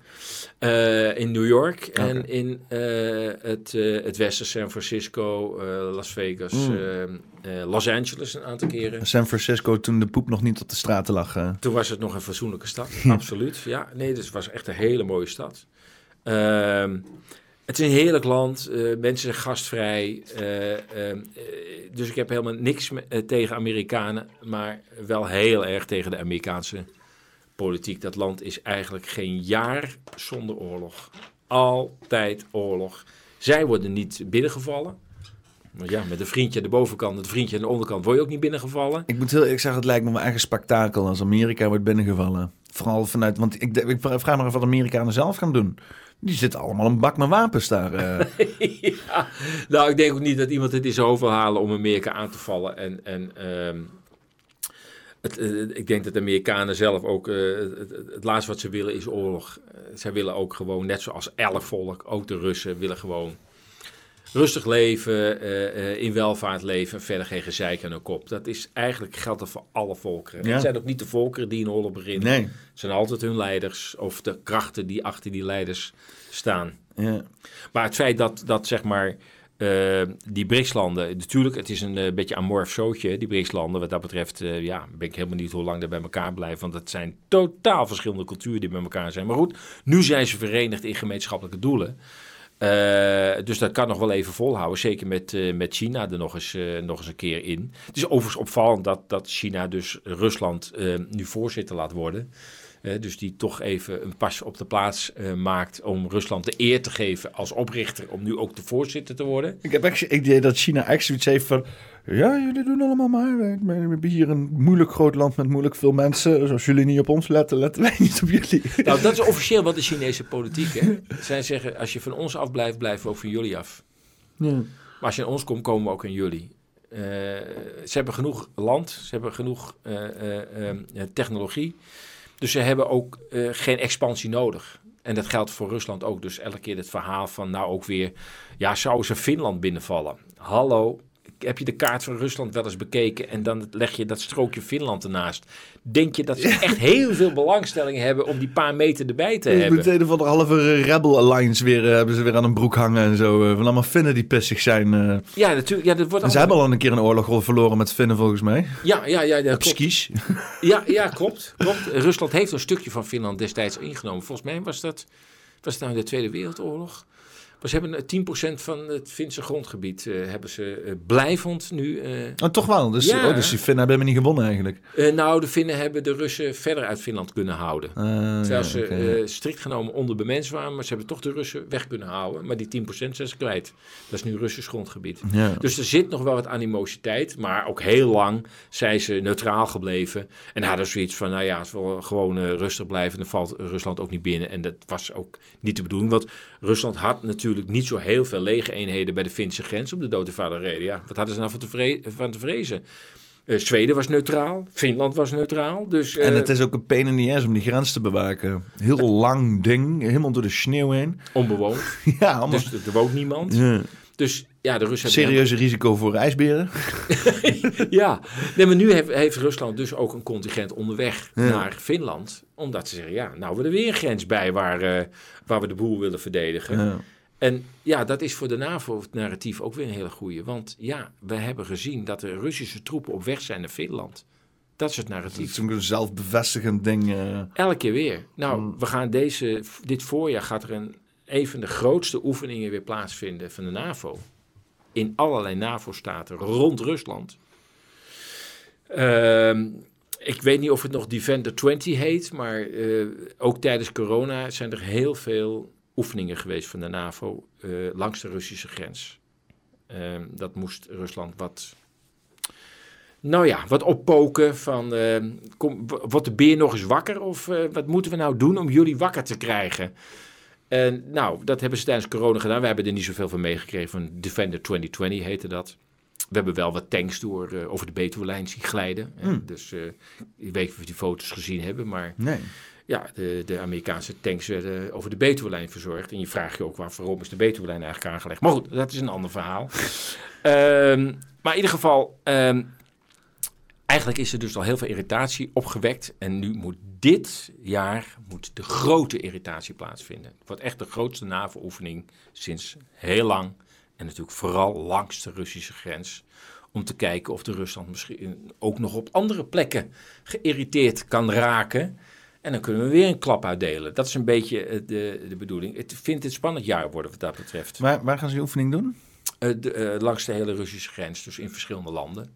Ook eh, de Baltische Staten. En natuurlijk Finland nu hè, als nieuwe eh, lid. Zweden is nog even onzeker, maar eh, Finland is nu lid. Dus daar kunnen de wapens, daar kunnen de tanks naartoe. Dus we kunnen de Russen een beetje gaan agiteren nu ook eh, in, vanuit Finland. Het zou mooi zijn als ze gewoon bij de, eh, bij de grens gaan zitten met zo'n tuinstoel, weet je wel. Fles vodka erbij. Dat is toch weer.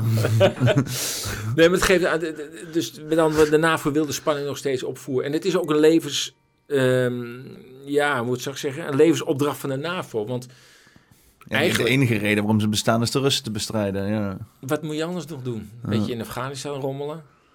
Heeft natuurlijk ook met de olie en de pijpleidingen te maken die er lopen. Maar goed, dat is een ander verhaal. Het heeft ook met, de- met de, de, ehm, eh, de zijderoute te maken. De, de Belt and Road Initiative, zeg je dat iets? Ja, Dat ja. is- van nou ja. China, de, de nieuwe zijderoute. eh, Ja, en dan nou, je loopt- de hele tijd door, wat moet het door Azerbeidzjan heen en zo en dat soort dingen. Nou, het is al lang actief, want de, de grote eindpunt is Duisburg. Mm, mm, mm.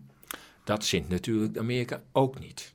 Hallo, gaat China en Duitsland ook nog een keer met elkaar samenwerken? Ja, maar dat is de bedoeling niet. En de Chinese containers rijden ook gewoon over, eh, over Nederlands grondgebied. Dus dat, dat, dat, dat rijdt al. Maar dat, dat zijn verschillende routes door Rusland, maar ook door eh, de zuidelijke staten van de. eh, ehm, het, nou, niet Rusland, maar Afghanistan. Er lopen ook routes van de, de zijderoute, zeg maar. De, de Belt and Road Initiative. Een ja, aantal ja. havens worden door de Chinezen nu opgekocht. Ja. En dat zint de Amerikanen ook niet. Die denken, ja, wacht even. De Europa wordt dus en afhankelijk van Rusland en van China. Dat, dat, dat is één continent, hè? We beseffen dat niet, hè? Ja, het, het Amerika- moment, het moment dat wij snappen in Europa dat we hier één continent delen met China en Rusland en dat wij de hele wereld zouden kunnen beheersen, is Amerika uitgespeeld. Helemaal, want Amerika ligt dan op een eiland. Ja. Maar het is, ook, het, is ook, het is ook zo stom. hè. Je zit naar Amerika te kijken als de grote verbinder op wereldtoneel. En iedereen moet samenwerken. En we're here to cooperate, eh, you know. En dan, eh, To promote democracy. ja, ja, to, to bring freedom. Ja, Eh, maar die, die zitten dus alleen maar, eh, eh, eh, die willen eigenlijk alleen maar een wereldregering om vervolgens samenwerking te stagneren, maximaal, naar hun eigen eh, eh, eh, model. Want heel veel mensen denken van, ah, dan straks is er een wereldregering en dan is er ultieme controle. Nee, als er een wereldregering is, dan, dan, dan gaan ze juist alleen maar fucking lopen saboteren overal om allerlei samenwerking tegen te gaan. Het is de- niet de bedoeling dat iedereen gaat samenwerken op globaal niveau volgens nee, mij. ik dus ook niet. Dat is, dat, het, het gaat uiteindelijk om het Amerikaanse bedrijfsleven. Ja. Daar gaat het natuurlijk om. En de Amerikaanse militaire macht, de wapenindustrie. En andere landen krijgen dat nu langzamerhand ook door, ook met de WHO. eh, zo van, ja, die, die wil natuurlijk die machtsgreep uitvoeren in opdracht van de farmacie. Hmm. Je denkt ook, dat zal wat zijn als we de, de COVID kunnen blijven herhalen. Dat is natuurlijk wel heel lucratief geweest met 100 miljard omzet. Dus zou wel leuk zijn als we het elke jaar een keer kunnen doen. Ehm, maar ik denk dat heel veel landen wel snappen van ja, eh, als we er onderuit kunnen komen, zullen we het niet laten. Ja. Want die zien ook wel dat het niet in hun belang is. Dus ik denk dat, dat, dat, dat de hele wereldregering, dat is een ander onderwerp natuurlijk, maar dat, dat, dat, wereldregeringsverhaal. eh, nou ja, de WHO komt natuurlijk in mei weer bij elkaar. Hè, en dan moet dan dat nieuwe eh, ehm, verdrag worden getekend. Ik ben even de naam kwijt. eh, International Health Regulations 2024 wordt het dan. Hè, er waren de, de, de oorspronkelijke versies van 2005. Nou ja, daar moeten dan allerlei bevoegdheden in komen van de WHO om een pandemiestatus uit te roepen over de wereld. En eh, nou ja, dan vervolgens ook de maatregelen te kunnen afdwingen. Ja, dan moet onze eh, ministerie van Volksgezondheid, die moet dan in, eh, in sync lopen met wat de WHO allemaal op... Dat is het verhaal. Ja. Maar het punt is, er is ook een commissie geweest, een grote commissie, die heeft allerlei wijzigingsvoorstellen geïnventariseerd met al die landen. En er waren er 300. En eh, ehm, een aantal daarvan waren extreem fundamenteel. Met andere woorden, niet van kunt u bij artikel 5 eh, dat woordje eh, dus veranderen in want. Nee, nee, heel fundamenteel. Eigenlijk van, ja, maar dit willen we gewoon niet. Zo fundamenteel, klaar. Gewoon, we vinden niet dat jullie dat recht hebben. Gewoon nee. En nou, men kwam er dus niet uit. En toen heeft de WHO gezegd... de, de afspraak was, jullie moeten de 31 december uit zijn. Dan moeten al die 300 problemen zijn opgelost in een verdragtekst. De verdragtekst wordt aan 1 januari naar alle landen gestuurd. Die hebben dan met hun parlementen zoveel maanden de tijd... tot ergens in mei, dan komen we bij elkaar... en dan gaan we het hier aftikken. Het probleem is, ze, ze zijn niet klaar. Want er zijn gewoon veel te veel fundamentele verschillen van mening. Het is gewoon niet gelukt. Nou heeft de WHO gezegd... Ja, oké, ehm, ehm, jullie kunnen wel doorgaan, maar eh 24 of, of mei gaat toch gewoon door. En dan hebben de landen maar geen tijd om, om er naar te kijken, maar het zal gewoon gebeuren. Punt. Nou, weet je, je kunt die powerplay wel spelen, maar er zijn 300 fundamentele problemen in dat verdrag. En die landen kun je wel onder druk zetten, maar het gaat wringen natuurlijk. Dus misschien dat het lijkt alsof er straks die handtekening wordt gezet. Maar er zijn een hele hoop landen die denken, ja, maar we gaan gewoon niet meedoen. We, wij- ons, wij worden gewoon niet eens meer gehoord. Dus, maar, maar- maar ik vraag me ook echt, met welk leger komt de WHO hier handhaven? nou, dat is het hele punt. Het- de kracht zit hem in ons eigen land. Hmm. Als Nederland zegt, joh, we, we gaan toch weg, we doen gewoon niet mee. Nou, dat is klaar. Er gebeurt gewoon niks. Nee. Het is, het is wij, die, wij, wij zeggen tegen hem, wil jij ons verplichten? Dan doen wij eraan mee aan jouw pandemieverdrag. Ja, ja, Ja, ja. hallo. Eh, zij kunnen niet dwingen. Dus het is, het, eh, wij doen dat zelf. En ja, ik vind dat de naam Rutte is nog niet gevallen. Maar ehm, ja, daar heeft Rutte denk ik zijn hele ehm, premierschap wel aan gewijd. Aan eh, het uitventen, het uitbesteden van de Nederlandse soevereiniteit. Hmm. En dat heeft hij heel sluw gedaan. De geitenpaardjes, we kennen het, eh, het, eh, het, het verdrag eh, met Oekraïne, het Oekraïne-verdrag. Wat eigenlijk door alle landen al geratificeerd was, behalve in Nederland in 2016. En toen kwam Jan Roos, zeg maar onze dorpsgek. En zei, hey, ik heb het verdrag gelezen en er staan toch wel rare dingen in. Had niemand nog gelezen, het parlement ook niet. En hij zei, ja, maar lees het nou eens goed. En inderdaad, als je het goed ging lezen, denk je, echt de pest, wat een raar verdrag is dit eigenlijk. Het is helemaal niet een vriendschapsverdrag. Het is gewoon eigenlijk dat de integratie met de Europese Unie, dat, dat, daar waren veel te veel landen tegen. De NAVO, dat, dat, dat durft ook nog niemand aan. Maar nou staat eigenlijk in het verdrag alle rechten voor lidmaatschap van de EU en van de NAVO. En wapens leveren, Amerikaanse eh, eh, wapens leveren aan Oekraïne. Verrek, het is gewoon EU-NAVO-verdrag. Nou zien we het pas. Ja, toen kwam hier de referendum. Nou, we weten het referendum. Massaal nee gestemd. Eh, gewoon 35% opkomst of iets dergelijks. De rest interesseerde het niet. Maar in ieder geval de meerderheid binnen die 25% was tegen. Nou ja, Rutte dacht, ja, eh, nou, Rutte dacht helemaal niks. Eh, Rutte had gewoon de opdracht van de Amerikanen. Ja, je kunt op je kop gaan staan. Maar die andere landen hebben al alleen maar een al lang een handtekening gezet. En wat jij in dat land bij jou doet, zoek het even uit. Maar jij gaat ook gewoon tekenen. Nou, dat heet, en dan, dan kwam er een inlegvelletje. Nou, dat is natuurlijk geleuter. Ik bedoel, het is gewoon geratificeerd. En Nederland heeft gewoon ja gezegd. En nou zijn we een van de meest trouwe bondgenoten van Amerika om wapens te leveren, F-16's te leveren. Ja, zeker. Dat heeft zelfs slaven Oekraïne gezegd. eh. Ja, ja, ja, die, precies. was, die was volledig aan boord. eh. Eh, precies, en dat, dat is wat hij nu weer aan het doen is. Voor de tweede keer tijdens een kabinetsformatie. Dat het kabinet dus demissionair is. En de vorige keer heeft hij ook al gezegd, en dat heeft hij nu niet herhaald, maar ja, dat geldt natuurlijk nu weer. Dat hij gewoon zegt, ja, maar nou kun je me niet meer wegsturen.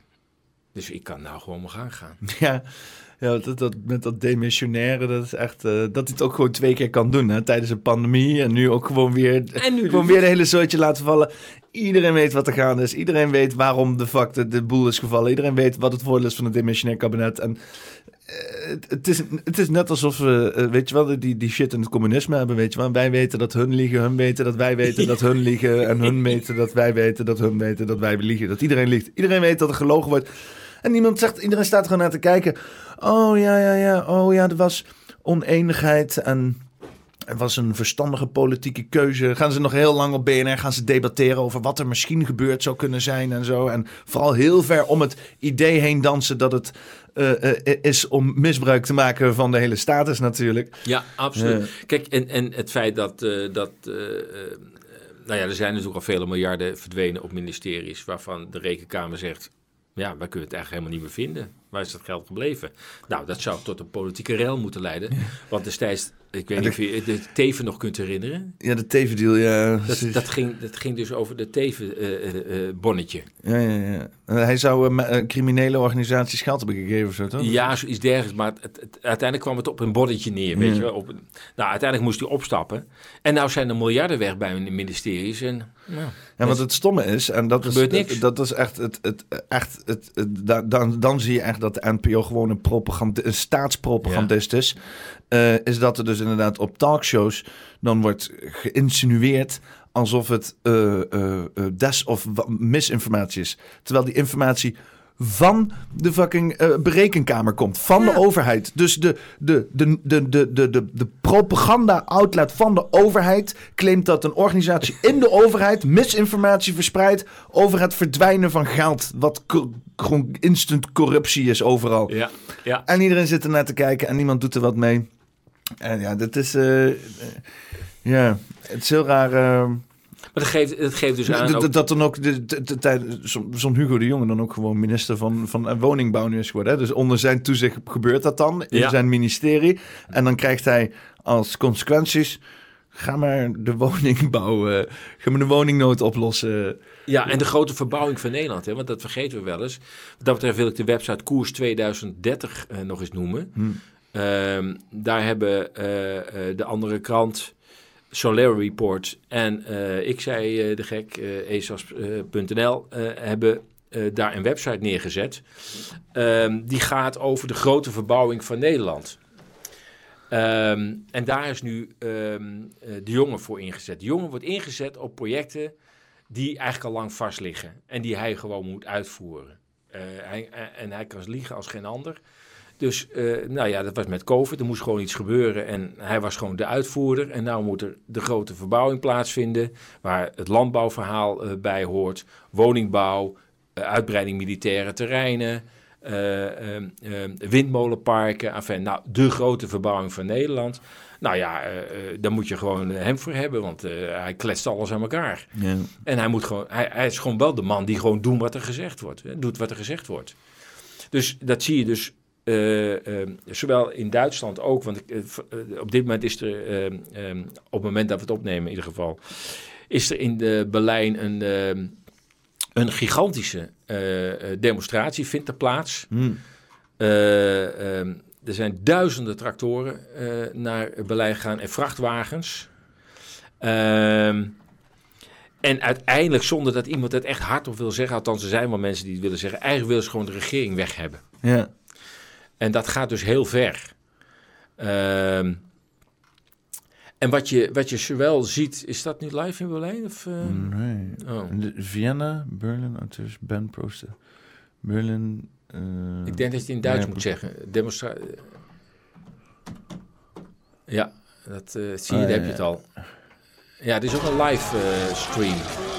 Ja, deze was, dit was twee uur geleden. Li- oh, oké, ja. dus dit is een.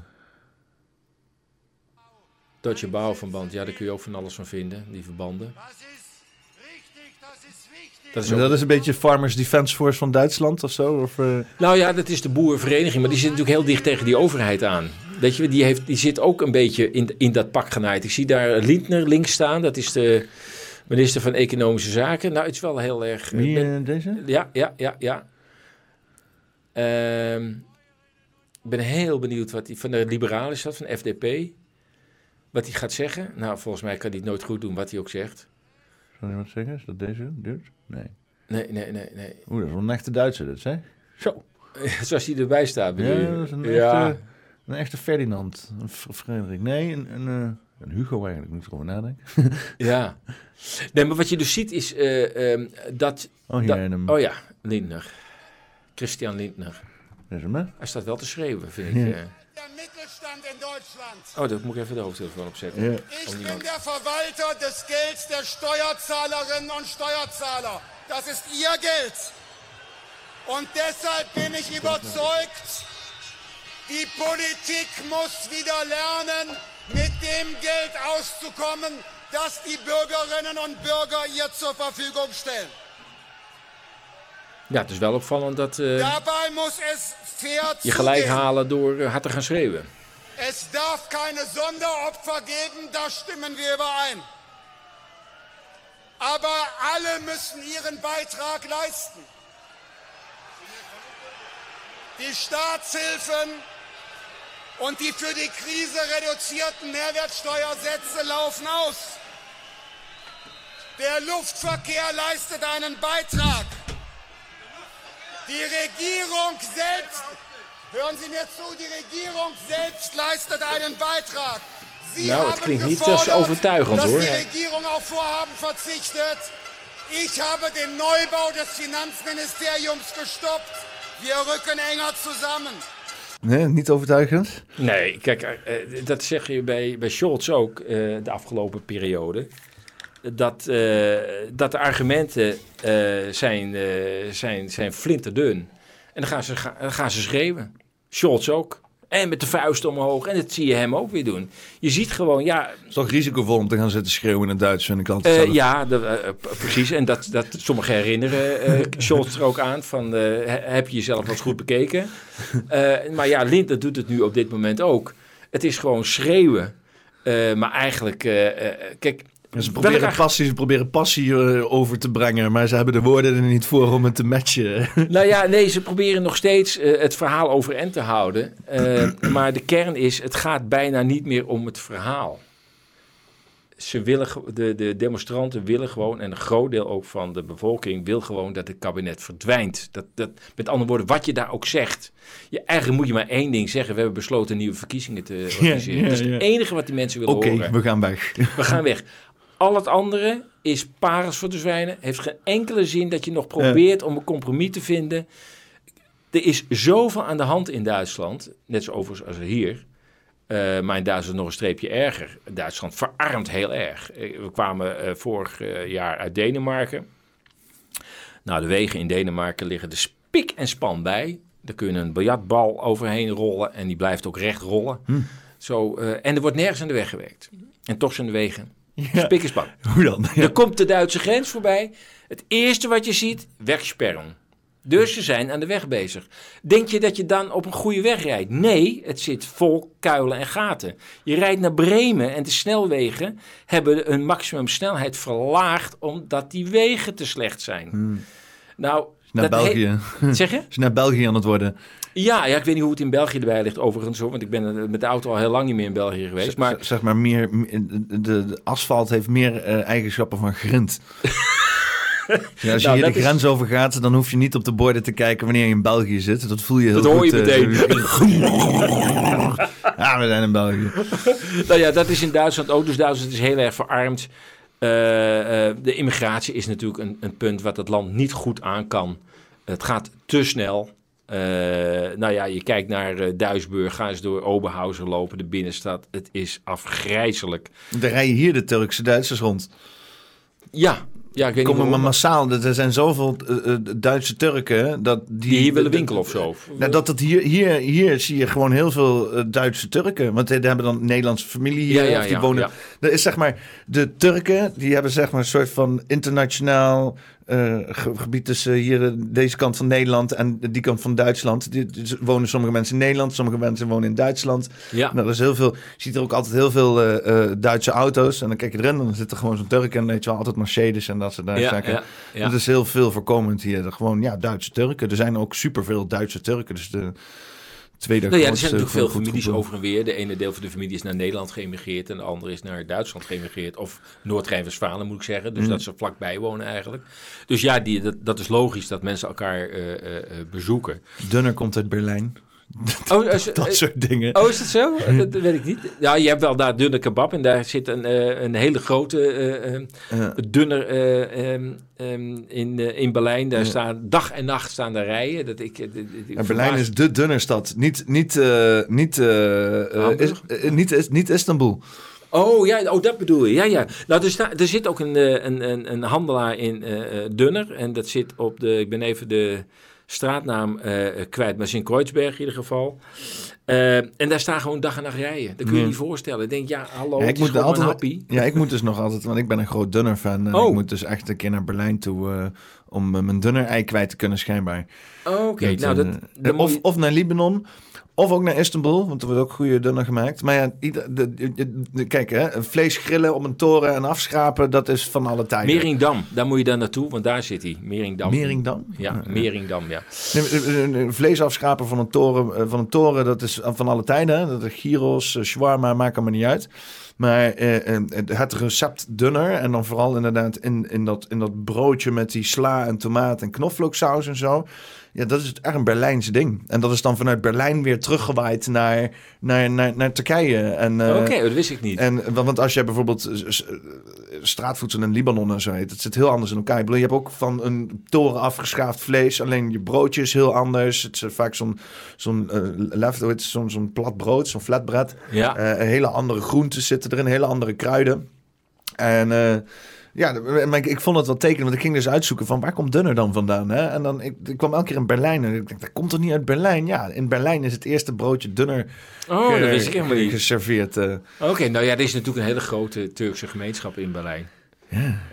Eh, Neukölln is, eh, nou ja, grotendeels Turks. Ehm, dus ja, ik kan me voorstellen dat het daar ook inderdaad is ontstaan.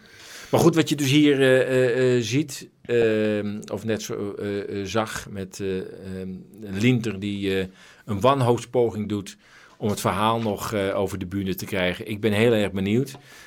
Ze hebben geprobeerd een aantal tractoren, ehm, zeg maar, ehm, te beperken op Unter de Linden. Ehm, ja, doe maar. Nou ja, ik heb nog water erin, dus eh, ik drink het eerst wel even op.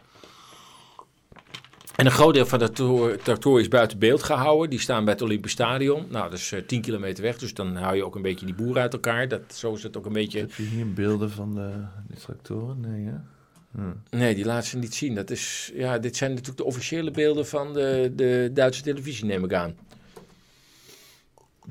Tractor. Ja, dat zijn oude beelden, want ze mochten niet meer zo staan vanochtend. En dit waren de beelden van... oh, alleen Afgelopen dagen. Maar ze moesten nou stroken vrij houden. En de rest van de tractoren die staan allemaal bij het Olympisch Stadion. Dat is een gigantische parkeerplaats hebben ze daar. Maar er zijn ook heel veel wegen geblokkeerd. Het is echt wel eh, een ding aan het worden. Ik heb deze erop zetten. Dus ik de hele tijd... eh, Maar wat media proberen is natuurlijk eh, A, eh, de boeren in de rechtse hoek te drukken. Dat deden ze met eigenlijk dezelfde me- methodiek als met corona. Ja. Dus de demonstranten tegen corona waren allemaal Rijsburger en eh, AFD-types. En nou ja, dat soort mensen allemaal in de rechtsradicale hoek. ja, alles wat tegenwoordig anti-overheidssentiment heeft... is meteen extreem rechts. ja, maar dat klopt ook omdat de overheid en media extreem links zijn. Ja. Dus dan is alles rechts van jou. Mm, hè? mm. Dus, dus het klopt wel. Daarmee zeg je ook over jezelf dat je extreem links bent. Ja, ja, ja. Nou ja, dat doen ze met de boeren dus ook. Eh, en ze proberen het onderwerp echt te beperken tot, ja, het gaat over de, de, de, de accijnzen en de wegenbelasting. Nee, joh, het gaat over veel meer. En dat, dat, men probeert dat, natuurlijk het, het probleem te versmallen. Ja, nou, als we nou maar iets doen aan die, aan die, aan de accijnzen en, en, en die wegenbelasting, dan hebben we het probleem opgelost. Nee, de boeren worden daar net zo getreiterd als in Nederland. Dus het aantal boeren is met honderdduizenden afgenomen in de afgelopen twintig jaar. En, en men verwacht dat er weer honderdduizend af zullen gaan de komende tien jaar. Ja. Dus die worden steeds klem gezet. En alleen de grote boeren, industriële boeren, blijven over. Dat is in Nederland zo en dat is daar precies hetzelfde. Dus wat de boer betreft gaat het om een veel groter verhaal. En als het gaat om Duitsland, de burgers, die voelen dat ze door de energieproblematiek steeds armer worden. Die hebben nog een ander probleem. Die zeggen, ja, die gekte met, met, met die groene politiek, dat moet nu afgelopen zijn. We worden daardoor met de dag armer. We hebben geen zekere energievoorziening. Nou staan we weer bruinkool te scheppen. Ja, het is ook Nou, niet groen. Het, het, het is Groene energie is niet groen. Nee, het is, en, en, en het, het pikante is, hebben daar dus ook windmolens weer voor moeten afbreken. Hè? Mm, mm. Bij Katzweiler. Dat is echt het meest hilarische wat ik ooit heb gelezen, inderdaad. Ja, ze Dus, hadden eh, die ten gunste van de, van de, van de klimaatagenda zijn we nu inderdaad windmolens aan het eh, weggraven met Gatsweiler om bruinkool te winnen. Dus- En de eerste dorp wordt er weer bedreigd. Dus de dorpsbewoners hebben ook Ja. Eh, geprotesteerd. Want er zijn al wat eh, eh, dorpen verdwenen in het grote gat. ja. Gewoon met, met eeuwenoude kerken erbij. Hè? Wordt, komt, wordt gewoon de hele boel gesloopt. En dan komt die grote graafmachine in. De 800 jaar oude kerk werd er toen gesloopt. Maar hoe Ja. leg je dat uit? Ja, waarom moet je dorp weg? Ja, eh, klimaatverandering. Dus het is beter voor het milieu dat jouw hele dorp wordt weggevaagd. Top. Ja, ja. ja. en nou, nou is het volgende dorp dus aan de beurt. Dus nou zijn die mensen weer...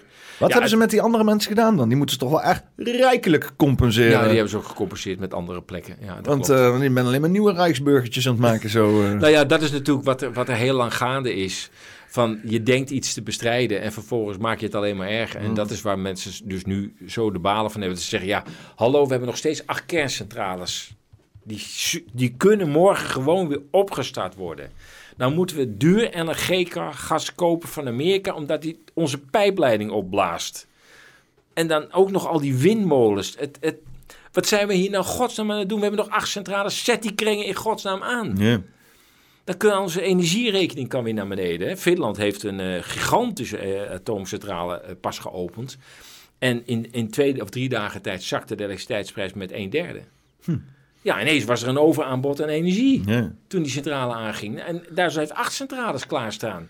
Nee, maar ze gaan niet aan. Nee, ze gaan niet aan. Ja, dat gaat een keer mis natuurlijk. En dan zullen ze wel moeten. Net zo goed als de minister, dat was volgens mij Lindner... Die, eh, die moest toestemmen, of nee, die andere. ehm, Ik ben even zijn naam kwijt. Nou, ook zo'n nitwit, die weet echt niet waar hij het over heeft. Maar de minister van Energie, die uiteindelijk eh, eh, ehm, moest toezien dat Katzweiler zeven windmolens moest weghalen. Omdat Katzweiler door moest graven met bruinkool. Ja. En heeft hij een deal gesloten met RWE, de energiemaatschappij, die Katzweiler exploiteert. En ook de windmolens. Ehm, dat dat eh, bruinkool ehm, mocht niet tot 2038, maar nog maar tot 2030 worden gebruikt. En dat was dus een dag voor het klimaat dat hij dat bereikt had. Maar het was dezelfde dag dat die zeven windmolens tegen de vlakte moesten. Dus het, weet je, het, ze zitten in een soort koker.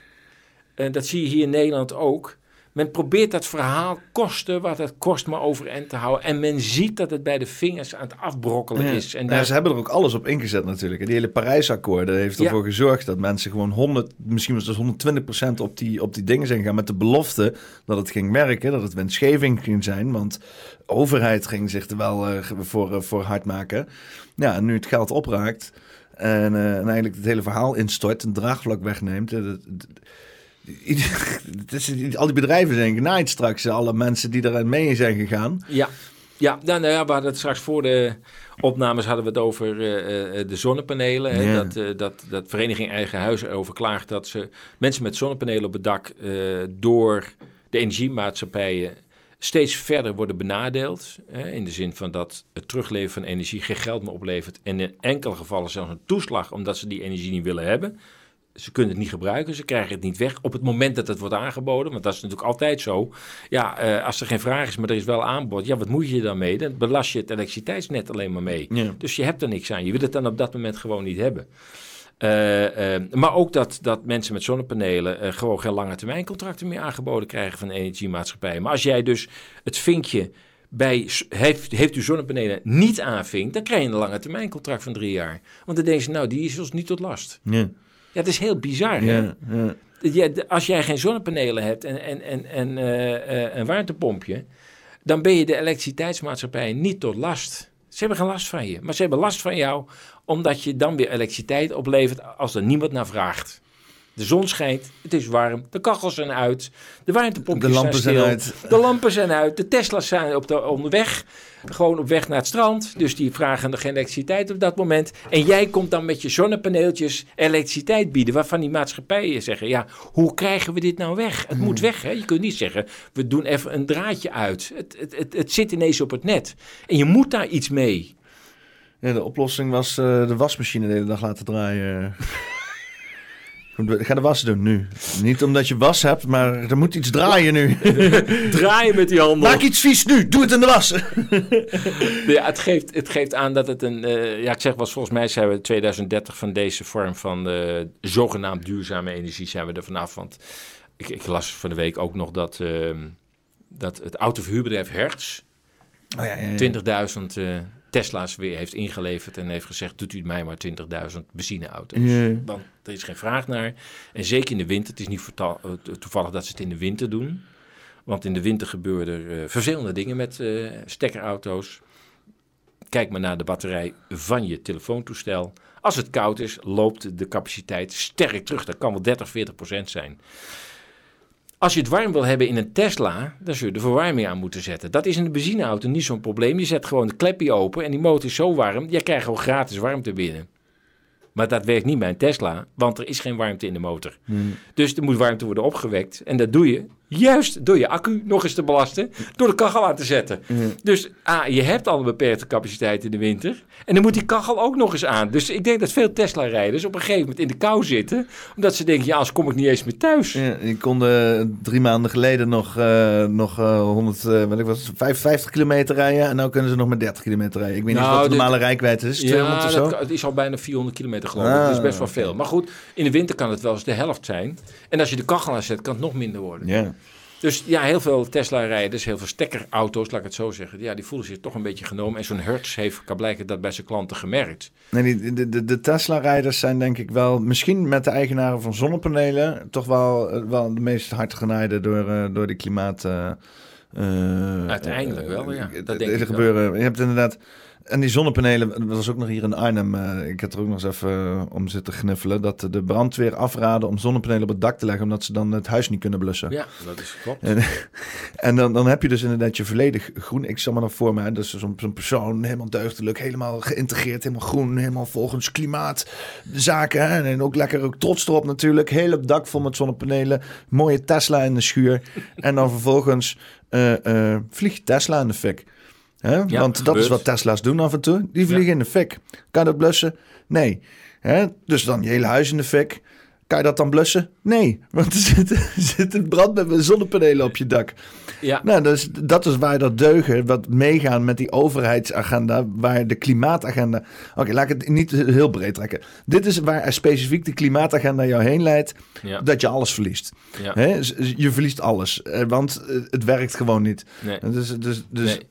Nou ja, goed, in Apeldoorn, maar volgens mij ook al in Arnhem, dat weet ik niet zeker. Maar in Apeldoorn zeker kon een heel huizenblok niet worden aangesloten. Die hadden allemaal warmtepompen, dus eh, iedereen had zoiets van, nou, nou eh, wonen we toch wel in een heel mooi duurzaam pand. En zegt de elektriciteitsmaatschappij, ja, maar we gaan me niet aansluiten. We hebben geen capaciteit meer om al die warmtepompjes eh, aan de gang te houden. Dus het blok moet onbewoond blijven. Wat zijn nou precies warmtepompen? Gewoon, want dat is dan een buissysteem onder je huis. En dat pompt shit. En dan is het net iets warmer en dan hoeft het minder warm te worden of zo. Iets. Ja, ze, ze halen dus de, de, de, de temperatuur, eh, verhogen ze iets. Ik weet niet precies hoe dat werkt, eerlijk gezegd. Je zou het even moeten opzoeken, want ik wil het eigenlijk ook wel eens weten. Want het is in ieder geval zo dat ze de, de, de warmtepomp kan de temperatuur iets verhogen. Volgens mij komt het niet echt uit de grond, want dat is weer een ander systeem. Het is maar een paar graden, maar dat kan toch wel heel wat aan, de, aan energie schelen. Aan aardgas tenminste. Vier minuten? Oh, ze hebben toch echt vier minuten nodig om dit uit te leggen. Oh, hier één. Hoe Eén- werkt een lucht, water, Eén minuut. warmtepomp? Nou, laat, leg eens even uit dan. Eén minuut, daar doen we het voor. Ja. Hoe werkt een luchtwater-warmtepomp? De warmtepomp haalt warmte uit de lucht als warmtebron en werkt met een vloeistof die als eigenschap heeft te koken op een lage temperatuur. Ook wel koude middel genoemd. Werkt zelfs bij een temperatuur onder nul. In de verdamper wordt het koude middel zo Is het geen airconditioning? heet dat het verdampt tot een gasvorm. Ja. De damp stroomt richting de compressor, die het samenperst en daarmee nog heter maakt. De hete damp komt in de condensor terecht. Vanuit de condensor wordt warmte afgegeven die heet genoeg is om de warmte te gebruiken voor het verwarmen van een huis. Het koelmiddel heeft de warmte doorgegeven en is hierdoor afgekoeld. Vanuit de condensor stroomt Oké, want Ja. eh, eh, hoe, normaal, ja, heb Heb je het uit de een, lucht. Ja. normaal heb je een airconditioner. Eh, en die werkt ook zo. Hè? Want Ja. je hebt dus inderdaad hier... Want ze scheiden eigenlijk de, de eh, eh, warmte van de kou. En dan hou je aan de ene kant een warme situatie... en aan de andere een koude situatie. Koelkast doet dat ook. Die omtrekt de Ja, warmte. De achterkant van de koelkast is Ja. altijd warm. Ja, die omtrekt de warmte uit de situatie daar.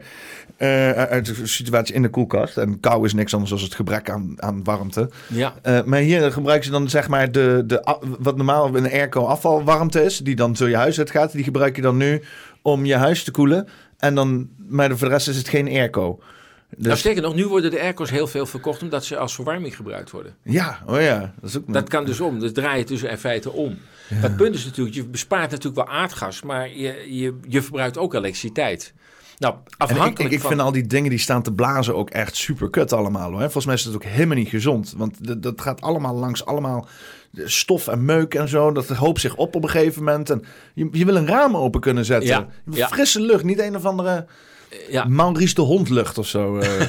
oh, wat is dat dan? Gewoon, eh, Oh. hij, hij had toch iets met ventilatoren tijdens Oh, de ja, pandemie ja, en zo. En dat moest allemaal... Oh, dat eh, klopt, ja. Maar ja, een ander punt is ook het geluid natuurlijk. Dat is ook een irritatie Oh, tussen buren. Dat ze de warmtepomp hebben en dat iemand zegt... ja, maar ik hoor de hele dag dat geruis van jou. Nou, dat, kijk, eh, als je, als je ver van elkaar woont, kan dat nog. Maar in een flatgebouw met allemaal die pompjes, eh, die, die dingen op het, op het balkon... dat kun je gewoon niet hebben. Nee. Nou ja, de, die woningbouwvereniging had het natuurlijk zo waarschijnlijk op het dak gezet. Maar in ieder geval die elektriciteitsmaatschappij zei... ja, ik, sorry, ik ga het niet aansluiten. Ik heb geen capaciteit meer in die buurt.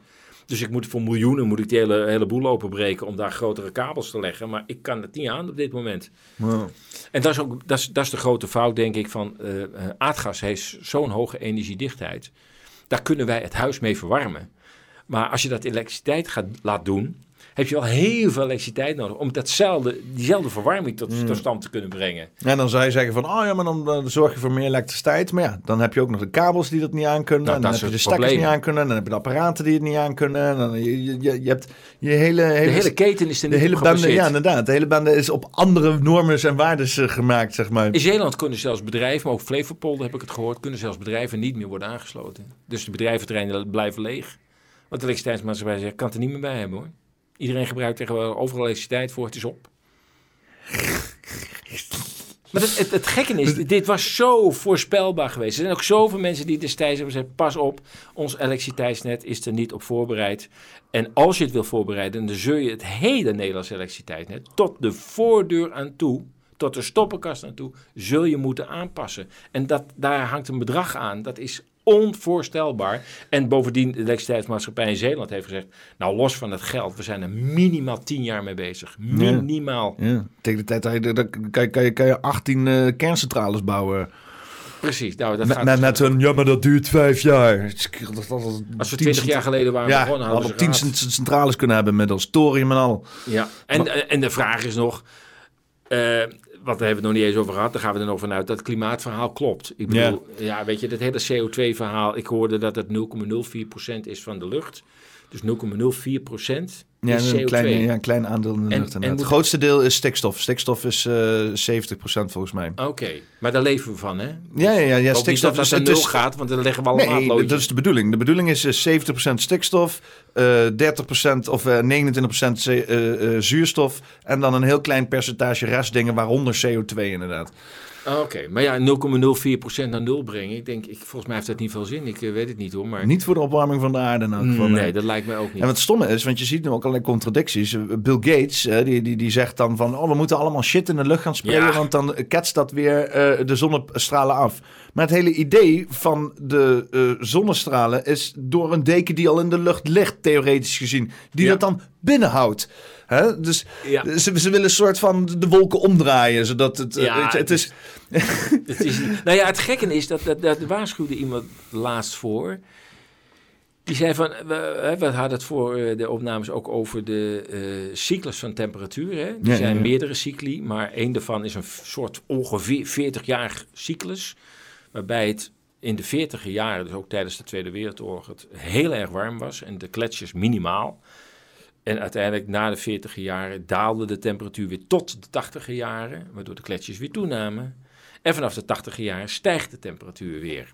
dus al die klimaatmensen die zeggen... ja, maar het, het- je ziet toch decennia lang dat die temperatuur stijgt? Ja, dat klopt ook inderdaad. De vraag is hoe lang dat nog doorgaat. Sommigen zeggen al, het, zou- is al gestopt. Het zou heel raar zijn als zeg maar decennia's lang exact dezelfde temperatuur op de aarde was. Dan heb je een probleem. Dan, ja. Dan is er rare shit gaande. Ja, ja, ja precies, precies. Maar wat sommigen zeggen is van... Stel dat nou inderdaad die, die 40-jarige cyclus ook nu weer klopt. Je zou haast zeggen, ja, zie, de afgelopen tijd klopt die nu ook. Een paar honderd keer gebeurd, maar Over een paar jaar kunnen dus alle klimaatverdedigers zeggen... de maatregelen hebben geholpen. ja, De ja. temperatuur zakt. ja. Zie je al, de temperatuur zakt, elektrisch rijden helpt, bruinkoolmijnen ten goede van het klimaat helpt. Eh, En dat Dank je, de- Rob Jetten, dat je 0,000000036% hebt weten te besparen, ondanks alle andere vervuiling in de wereld. Ja, en, Als ze en- dat aan ons gaan verkopen, jongen, ik zweer het. Ik, ik, ga, ik, ga er, ik ga er een show van maken. Ik ga er een satire aflevering. Dat, moet, het is, dat kan niet. Dat is echt... eh, Het- het als ze het lef hebben, als ze echt het lef hebben... En dan moet ik eerlijk zeggen, ze zijn een ballengroot hoor. Maar dan zijn ze ook echt een plaat voor de kop van heb ik jou daar. Ja, maar die is al begonnen natuurlijk. Want we hadden het tot voor kort toch over global warming. Daar hebben we het niet meer over. We hebben het nou over climate change. Global warming was in één richting. Maar blijkbaar is die richting niet zo duidelijk. Dus toen hebben we gezegd, weet je wat, we gaan het gewoon klimaatverandering noemen. Kunnen we alles eronder vallen. Oh, zware regenbui. Ja, dat is klimaatverandering. Ja, maar het is wel heel droog geweest. Het is klimaatverandering. Heel veel stormen. Is klimaatverandering. Ja, maar het wordt kouder. Ja, maar is ook klimaatverandering. Nu kunnen we met dit containerbegrip alles eronder gieten. En je ziet het mensen ook doen, Mijn, vader die zei het later. Ik ging hem ophalen en eh, het was regen. En eh, toen zei hij van... eh, oh ja, dan moeten we maar aan wennen met die klimaatverandering, hè. Die natte zomers. Nou ja, wat ik, Want het heeft nooit geregend in de winter. Nee, joh. nee, nee, het is de eerste keer dat we dat meemaken. Ja, en, en, en nou ja, waar, ik- las op een, een website van, van een nautische website dat de Noordelijke IJszee vroeger eerder is dichtgevroren dan ooit tevoren. En dat de ijsbrekers nu al aan het werk zijn. Ze zeggen dat is ongekend vroeg. En denk, ja, ik, ik zie even geen global warming. Of we zijn inderdaad nu alweer, we, we zijn tenminste 40 jaar na de 80er jaren. Ja. Misschien is die cyclus naar beneden alweer begonnen. Ja. En is het inderdaad daardoor dat de Noordelijke IJszee nu eh, eerder is dichtgevroren dan normaal. En dat, dat was gewoon op een nautische website. Hè? Dus heeft niks met klimaat, maar gewoon een nautische website over allerlei internationale scheepsroutes. En die zeiden, ja, we moeten naar de Noordelijke IJszee. Is nou al heel snel dichtgevroren. We moeten nu al de ijsbrekers inzetten. Hoezo global warming? En want volgens mij is het met de temperatuurstijging is ook gewoon even gestagneerd nou al een paar jaar. hè? Ja, dat zei een hoogleraar van eh, de Universiteit van eh Radboud, Radboud Universiteit, zei het ook. Hij zei, het staat al acht tot tien jaar stil. Ja. Nou, en dat past weer bij die 40-jarige cyclus. Ja, Want we dan- zitten inmiddels in de 20e jaren, 40 jaar na de 80e jaren, het dieptepunt van de temperatuur. Ja, nu gaan we waarschijnlijk toch weer 40 jaar naar beneden. En ik maar zo verheugen op eh, Arnhem aan zee en lekkere beachparties hier en cocktails. En dan zit ik godverdomme over tien jaar weer met mijn bontjas hier. Ja, ik bereid voor een ijstijd. Ik zou wel zo'n sneeuwschep eh, aanschappen, want dat gaat gebeuren hoor. Sneeuwscooter dan. dan Oh, sneeuwscooter. sneeuwscooter wordt het. eh, dan gaan Oh, we ja, ook ja. hard meteen. Als, Ja, ja, ja. als er een ijstijd komt, dan... Ja, maar dat geeft een beetje aan hoe, leuk, hoe ingewikkeld dat klimaat ook is. Hè? Want het, het verandert overal op verschillende manieren. hè. Ik, ik volg een boer uit, eh, uit Kenia. Die is overigens ook landbouwkundig ingenieur. Dus ook niet de eerste de beste. Die is nou blij dat hij een eigen woningje heeft met een koelkast. Dat is dan in Kenia al heel wat. Dan voelt hij zich heel rijk. Hij heeft nou elektrisch licht. Ehm, maar die eh, is ook een hele warme eh, pleitbezorger van fossiele brandstoffen. En hij zegt ook, moet je horen, eh, jullie in het Westen zitten nou met dat hele groene verhaal. En daarmee zetten jullie ons ook klem. Want jullie leven in rijkdom dankzij 100 jaar fossiele brandstoffen. En dan wil je ons gaan vertellen dat wij de enorme fossiele brandstoffen die in het Afrikaanse continent in de grond zit, die jullie hier en daar echt gewoon uit aan het zuigen zijn voor een habbekrats, dan willen jullie ons met een groene politiek verbieden om de olie uit de grond te halen. En, en, en dat, wij, dat wij met 80 man een akkertje moeten omploegen omdat we geen tractor hebben, omdat er geen benzine in kan, omdat we dat niet hebben. Is dat wat jullie ons nu vertellen met jullie groene verhaal? Nou nee, dankjewel. Wij willen gewoon ook olie. Klaar. Want hij zegt, ik kan met één tractor, kan ik in twee uur tijd een akker omploegen, waar ik normaal gesproken 80 man voor nodig heb. Vind je het gek dat wij niet van de grond komen? Jullie, wij zijn niet arm, jullie houden ons arm. En wij kunnen, de, weet je, hij zegt, we kunnen in Afrika de hele wereld voeden. Er is zoveel vruchtbare grond hier. En hoezo droog? Kijk eens om je heen. Het is allemaal groen hier in Kenia. Natuurlijk, Noord-Kenia heeft meer woestijn. Maar kijk hier eens, joh. Het barst van de regen hier. We kunnen hier landbouw eh, eh, doen tot in het oneindige. Maar we kunnen niet elke keer met 80 man het akkertje omploegen. Want daar, daar, daar kunnen we het volk niet mee voeden. Maar jullie onthouden ons onze grondstoffen. Onze grondstoffen, zegt hij. Die jullie hier met Shell aan het weghalen zijn. En dan in een beetje groene politiek vormen. En hij had ook heel veel kritiek op de Keniaanse president. En die zei, ja, die is helemaal ingepakt door, door, door, door de WHO en door, door, door die klimaatclubs van jullie. Hij zegt, eh, maar de rest van het volk heeft er helemaal niks mee. Ook zal jullie even vertellen. Wij Kenianen hebben helemaal niks met de groene politiek. Het barst hier van het groen. Het gaat hier al, het, het, het, het is, we hebben sch- schone lucht boven ons, vruchtbare bodem en de bossen bloeien. Fantastisch, kijk maar eens om je heen. Het is allemaal groen, groen, groen, groen. Dus eh, we hebben jullie hulp niet nodig. Dus, eh, en hij zegt, laatst zei hij ook nog, hij zegt, en ook krijgen we er weer een club bij, het World Economic Forum. Hij zegt, eh, nou krijgen we dat hier ook over de vloer. Zegt, we willen dat allemaal niet. Donder op met jullie WHO, donder op met jullie, jullie, jullie WEF. Hou dat alsjeblieft in Europa. We, hebben er, we hebben er geen boodschap aan. En dat vind ik iets om ook wel eens in het hoofd te houden. Van wij denken maar dat we Afrika moeten steunen. Nee, eh, we, steunen helemaal niks. We beroven het tot op de dag van vandaag. Er zijn ook weer heel veel staatsschepen aan de gang daar. Dat heeft te maken met energie. Elke weer in Centraal-Afrika, met Congo, met, eh, met de zeldzame metalen die we nodig hebben voor onze telefoontjes en accu'tjes en dat soort dingen. Is weer de strijd om olie en gas. Daarom, daarom heb je dat er weer heel veel gedoe is in Afrika. En die Afrikanen zeggen, joh, laat ons met rust. Laat onze eigen bodemschatten gewoon uit de grond halen. En dan komt het goed met ons. Regelen jullie het nou maar voor jezelf. Ja. Nee, maar we moeten wel kunnen doneren op Afrikanen natuurlijk. Hè? Dat, We willen het superioriteitsgevoel ook houden. Hè? Dat, dat wij jullie toch mooi aan het helpen zijn. ja. Maar het, het, het- en daarmee krijg je ook, ook, het, ook het vluchtelingenverhaal, of in ieder geval het immigratieverhaal, is daar ook op terug te voeren. We houden Afrika arm. Men ziet dat het in Europa, ten opzichte van Afrika, goed gaat. Ja, ik kan me ook wel voorstellen dat mensen denken, ja, val me dood. Ja, ja, zo van, zo van als, als jullie mij niet hier gewoon mijn ding laten doen, dan kom ik daar wel mijn ding doen of zo. Hè? Het is ook helemaal niet gek om te denken dat ze zoiets hebben van zoek het lekker uit. eh ik Precies. wel in, eh, in Europa rotzooi schoppen of zo. Ja, we komen het nou wel halen. Ja, ja. Jullie hebben het lekker goed en jullie houden ons hier gewoon arm. Ja. Shell met, met Nigeria, die daar de hele delta eh, eh, vergiftigt. Eh, om- omdat we daar goedkoop de olie vandaan hebben gehaald, de regering hebben omgekocht. eh, weet je, dat, dat- ik snap voor die Afrikanen de bui vol hebben daarvan.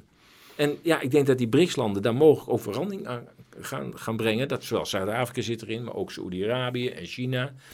Ja, als dat doorzet, dan eh, zijn de dagen voor Europa en Amerika wel geteld. En het zal niet van de ene dag op de andere dag wegvallen, maar het gaat wel anders worden. Eh, eh, eh, je had het net over fossiele brandstoffen. Wist je Ja. dat de fossiele brandstoffen misschien helemaal niet zo fossiel zijn? Ja, dat heb ik ook gehoord. ja. ja, dat is wel heel bijzonder, dat verhaal. Met andere woorden, het, het, het, het zuivert weer aan, zeg maar. Of het, het, het, het groeit weer. Ja, nou ja, wa- wat het is, ik, ik kan het wel heel even, want het is in principe gewoon chemie. Ehm, eh, wat butaan en propaan, even kijken, dus als ik even butaan eh, bijvoorbeeld zeg. Ehm, eh, eh, dat is eh, haatjes en C'tjes, hè? Ja. Dus we zien hier chemische verbinding, haatjes en C'tjes. Wat ook haatjes en C'tjes methaan, in principe is alles met, met hè? dus, dus ook haatjes en C'tjes in een andere configuratie. Ja. Ehm, en methaan is een van de meest, vol meest voorkomende stoffen in de, de, de kern van de aarde. Hè? Als je zeg maar een vulkaanuitbarsting hebt en shit, er komt een bak methaan Ja, uit, daar ja, ja. akelig van. Ja. Dus eh, daar in die oppervlakte, in die mantel, daar zitten dus heel veel methaan. Of komt daar, wordt daar geproduceerd. Het is ook niet raar om te denken, want je hebt eh, waterstof en je hebt eh, eh, ehm, koolstof. Koolstof. Nou, dat is ook, dus- dat is, de hele planeet is waterstof en koolstof. Ja. De hele ruimte is waterstof. En alles wat een beetje hier met vaste materie te maken heeft, zit koolstof in. Dus je hebt daar gewoon een hele bak aan koolstof en waterstof die verbonden wordt tot methaan onder hoge druk. En in de juiste omstandigheden, eh, eh, onder gigantische hoge druk, wat zo'n beetje de binnen van de kant van de aarde alleen maar is, hoge druk, Ja, ja. eh, ontstaan dus, dus ook verschillende variaties van methaan. Dus ondertussen propaan, butaan, al dat soort dingen. En als dat weer mengt, komt dat weer olie worden en petrol en al dat soort dingen. Maar dat, is een ongoing process. Dat is die, die mantel, dat is één grote bak met allemaal van dit soort stoffen die uitlekken in de korst. En dat wordt ingezogen. En dat gaat niet op. Dat, dat wordt weer gewoon cyclus, opnieuw. zeg maar. Ja, dat wordt gewoon net zoals. ehm, ehm, eigenlijk alles wat uit de korst komt. D- Diamanten houdt ook niet per se op. Hè? Je kan misschien zo snel graven dat je alle diamanten hebt gedaan. Maar als je weer even wacht, zit er weer een nieuwe diamant. Ja. Eh, eh, datzelfde geldt met olie. Je weet niet precies hoe snel het aangevuld wordt. Nee, dat is natuurlijk het punt. De consumptie gaat misschien harder dan het eh, weer bijkomt. Weet je niet, we blijven maar olie vinden. Hè? Dus, ja, ja, dat klopt. En gas helemaal. En ja. er is ook nog nooit een oliegat volgens mij leeg gepompt. Dat ze moeten sluiten. Ik, ik weet niet of er een voorbeeld is van een, een, een olieveld dat is gesloten omdat het leeg is. Nou, je hebt natuurlijk de men... gasvelden hier. Dan ze zeggen van ja, Nou, die die is niet leeg hoor. We hebben Nee. nog voor jaren erin ja, zitten. Maar ja, maar niet ze, zeiden van hij raakt dan leeg en dan de, de, de gaten die zorgen voor onstabiliteit. En Nou, dat kan me voor... wel voorstellen. Ja, maar dat is ook allemaal theoretisch. Dat is Ja. allemaal een beetje een soort van... nou Nou, er zijn wel verzakkingen geweest in Groningen. hè? Ja, ja maar dat, dat, dat hoeft niet te zijn omdat er cavities ontstaan van lege gebieden. Dat kan ook gewoon zijn omdat eh, eh, eh, ja, je bent die grond aan het losschudden. Ja. En ja, dan krijg je op een gegeven moment gewoon iets wat... eh, er hoeft maar iets van... De grond is ook niet de perfect homogene substantie. dus dat, dat dat klopt. kan ook eens een keer eh, wat, wat zand vertrillen. En dan ontstaat er in één keer een gat als het al de hele tijd trilt. eh. Maar eh, dat idee dat dus die velden allemaal leeg raken... in plaats van dat die velden daar zitten voor een reden... omdat daar dus onder een bepaalde proces gaande is. inderdaad vanuit de mantel die daar zorgt dat daar een, een bubbel is waar We dat soort toch laatst een, in, in een officieel lege oliebron na tien jaar weer ontdekt dat er toch weer olie zat. Dus dat, dat, dat toen die ontdekking, Ja. dat men ging nadenken. Ik weet niet of dat nou in Rusland was, maar er was ergens een oliebron die was gesloten. Zo van, nou hij is grotendeels leeg. En toen kwam het tien jaar later terug en toen zei verrek, er zit, er zit weer olie. Zoiets. Ja, zoiets ja. Shutting down oil wells, risky. Rusland misschien. Ja, Nou, ik denk kan- dat, dat, dat, dat ze er niet zo heel veel eh, bekendheid aan geven. Kutsenbaar, nee. ja, vooral niet op Google natuurlijk. Nee, ook zeker niet. Een stable business model, allemaal, allemaal anti-Rusland, zie je dat? eh, God, het is wat dat betreft zo geschuurd, hè? Ja, dat hele Google, dat is echt, Dat is echt dat is, ge- is gevallen, gevallen gewoon. Ja, dat heeft toch een naam?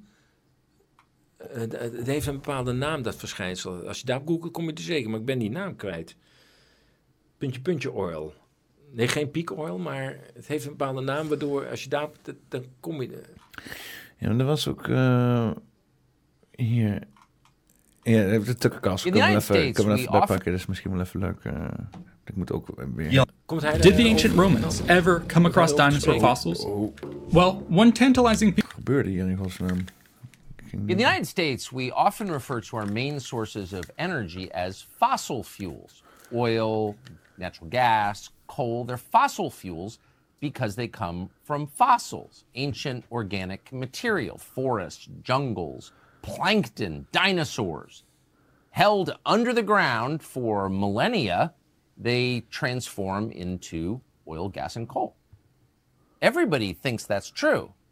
On the other hand, there's evidence that maybe it's not the whole story. In the United States, we Nee, often shorts heb je ook geen reet aan. Ja, maar, maar het, het, stom dat dat ook het, het, het, de aanname is dat kool ook een fossiele brandstof is. Het is toch heel duidelijk hoe kool wordt gemaakt. Je kan toch gewoon koolstof pakken, douw je samen naar hey, kool. Hout, kan je houtskool van maken, gewoon door het in de fik te zetten. Hoe hebben ze ons ervan overtuigd dat dat gemaakt is van plankton en fossielen en zo? Nou ja, kijk, eh, dat weet ik niet precies. Maar ik kan me wel voorstellen dat het verhaal van het is schaars uiteindelijk de prijs bepaalt. Ja, ja dat, is... Dus, dus eh, alles wordt schaars gemaakt in de beleving om ervoor te zorgen dat jij er wel fors voor gaat betalen. Stel je voor dat, dat Oh, hier, de Dog Truth. Fossil fuel isn't even... Dit Ja, het is, de- maar... deze heb ik volgens mij ook eens een keer gezien. En, het, ja, maar maak eerst verhalen van. Nou ja, dat, dat, eh, eh, stel je voor dat... eh, nou, de Rockefellers zijn natuurlijk met die olie begonnen in de Verenigde Staten. Mm. eh, om daar eh, big business van te maken. Je kunt je voorstellen dat op het moment dat zij zeggen... Ja, eigenlijk hebben we genoeg olie in de wereld. Dat mensen zeggen, nou, daar betalen we er ook weinig voor. eh, Ja, pom- ja. Pomp erop. Dan gaan mensen ook zoeken naar olie. Het zeggen? Dan gaan andere mensen ook Ja, zoeken naar olie. precies. eh wijs me ook maar een bron aan. Dan ga ik ook boren. Dus ja, schaarste, daar gaat het uiteindelijk om. Met alle goederen is het zo. Hè. Als je schaarste in de lucht houdt, hou je de prijs hoog. Ja. Dus ja, ik, ik kan me voorstellen dat dat verhaal heel goed heeft gedaan. Ja, dat heeft heel goed gewerkt. Fossil, and it's not even limited. In fact, we have a fuck ton of it. Let's go back to 1892 in Geneva, where scientists met to define what an organic substance is. They agreed that organic substances contain hydrogen, oxygen, and carbon and are commonly found in living things like plants, animals, and us humans. During this scientific event, an American businessman named Rockefeller sent some scientists over who claimed that oil is made of hydrogen, oxygen, and carbon. They suggested that it comes from the decay or rotten of ancient living things. This allowed them to define oil as a fossil fuel. But in reality, oil isn't a fossil because we have never found fossils below the depth of 16,000 feet, whereas we drill to the depths of 32,000 feet for oil. The term fossil fuel is used to make people think it's a limited resource Yeah, that's running out, but in reality, there's a lot of oil left on Earth, and we won't run out of it for a very long time, as it's the second most available liquid on our planet. Dat is ook weer iets van, van eh, zeg maar, fossiele afgestorven bladeren en bomen. Dat is op 32.000 voet diepte. Dat is natuurlijk wel raar. Ja, dat kan. Toen was er nog, waren er nog helemaal geen planten. Nee, maar dat betekent dat de aarde dus 10.000 meter lager is geweest. Want anders kunnen die bladeren daar nooit zijn geweest. Nee, ja, ja. Dat, dat, het dan, die op dan naar 10.000 meter beneden, dat het dan naar beneden zakt of zo. Maar ja, zo werkt de aarde natuurlijk niet. Nee, dus dat- Korst komt juist omhoog op een of andere manier. Ja, dus die diepte roept al iets in. De was een terechte opmerking in die video. Ja. Van ja, ja, inderdaad, daar kan toch een blader afvallen. Ja, maar dat je, hebt ook, de- je hebt ook een, een, een, een, een diepte waarbij je zeg maar voorbij eh, het eh, organisch materie wat op de planeet eh, is geweest, eh, komt, zeg maar. Ja. Hè? Dus, dus de- er is dan eh 100.000, 200.000, 300.000, 400.000 jaar. Op een gegeven moment kom je zoveel duizend of miljoen jaar verder. Toen was er nog niet, toen was de planeet gewoon één grote vuurbal. Ja. En zelfs Ja, ja. op die dieptes vinden ze olie. Ja, ja. Dus het heeft helemaal niks met het leven. moet een andere bron zijn. Ja, het is gewoon een chemische reactie binnen onze planeet. Die wordt bijgevuld als een bijkomstigheid van whatever de factor in onze planeet binnengegaan is. Wat een hoop is. Ja. Hè, we zijn eigenlijk, heel veel mensen denken dat we op een soort van rot zitten die met een beetje water erop. Nee, het is één grote eh, kolkende magnetische plasmabol met een heel klein aangekoekt dun korstje wat onze volledige realiteit is. Dat klopt. Dat klopt. Nou ja, daarom zouden we denk ik eh, door moeten gaan met eh, zorgen dat wij op een milieuvriendelijke manier onze energie Ja. naar boven halen. Want de hele, zo'n ding aanboren en dan een milieucrisis maken door alles uit te laten lekken is ook niet chill, zeg maar. hè. Dat Nee, is ook, precies, precies. En ik denk als wij al die miljarden, was, de, de Europese Unie zou dan duizend miljard hebben gereserveerd voor de groene revolutie. Als we nou die duizend miljard hadden geïnvesteerd in isoleren van woningen, Ja. het steeds zuiniger maken van, nou verlichting is al aardig gelukt, Ja. maar we zouden op, op, op veel fronten nog veel verder kunnen gaan. Eh, we zijn in staat om bijna schone kolencentrales te bouwen. We hebben er eentje in Eemshaven, maar die is geloof ik afgeschakeld. Die, die hier een, eh, die eh, afgebroken is in, eh, Nijmegen. in Nijmegen. Dat was een van de schoonste van Europa. Die gebruikte het meest duurzame kool. En die hadden dus inderdaad allerlei filters in de piep zitten. Zodat er eigenlijk het enige wat eruit kwam was waterdamp. Wauw. En, dat wist ik niet en- eens, en want het was wel een oude centrale. Op zich. Ja, ja, ja, ja, maar die hebben ze dus inderdaad, die bleven ze maar upgraden en zo. En die- die was, was een van de meest efficiënte, schoonste centrales. En die hebben ze dus moeten afbreiden. Want ze- het was een oude centrale. Die En er hadden was ze ook een explosie geweest, hè? Ja, maar ze, ze hadden gewoon geld erin kunnen steken. Dat ding Ja. up to date kunnen houden. En dan was er niks aan de hand geweest. Maar ze hebben zijn opgehouden dat ding te onderhouden. Totdat er een keer een explosie plaatsvindt. Zodat de gemeente kon zeggen van nou, dan gaan we deze shit afbreken. Ja. En er is die centrale, de meest inderdaad, de duurzame centrale van Europa. Die we hier in, in, in, in, in de achtertuin staan, hebben ze afgebroken. Zodat ze hier, wat zullen we zeggen, twaalf windmolens neer kunnen zetten. Hier drie bij de plastic fabriek, zodat we milieu, eh, klimaatneutrale milieuvervuiling kunnen hebben. Vijf langs de snelwegen bij de distributiecentrum, zodat Oh we ja, eh, klimaatneutrale milieuvervuiling op de weg kunnen hebben. Eh, nog een paar in de omgeving die je kan zien, want die dingen die kan je van alle kanten zien. Dus de totale horizontale Ja, vervuiling van heb ik jou daar.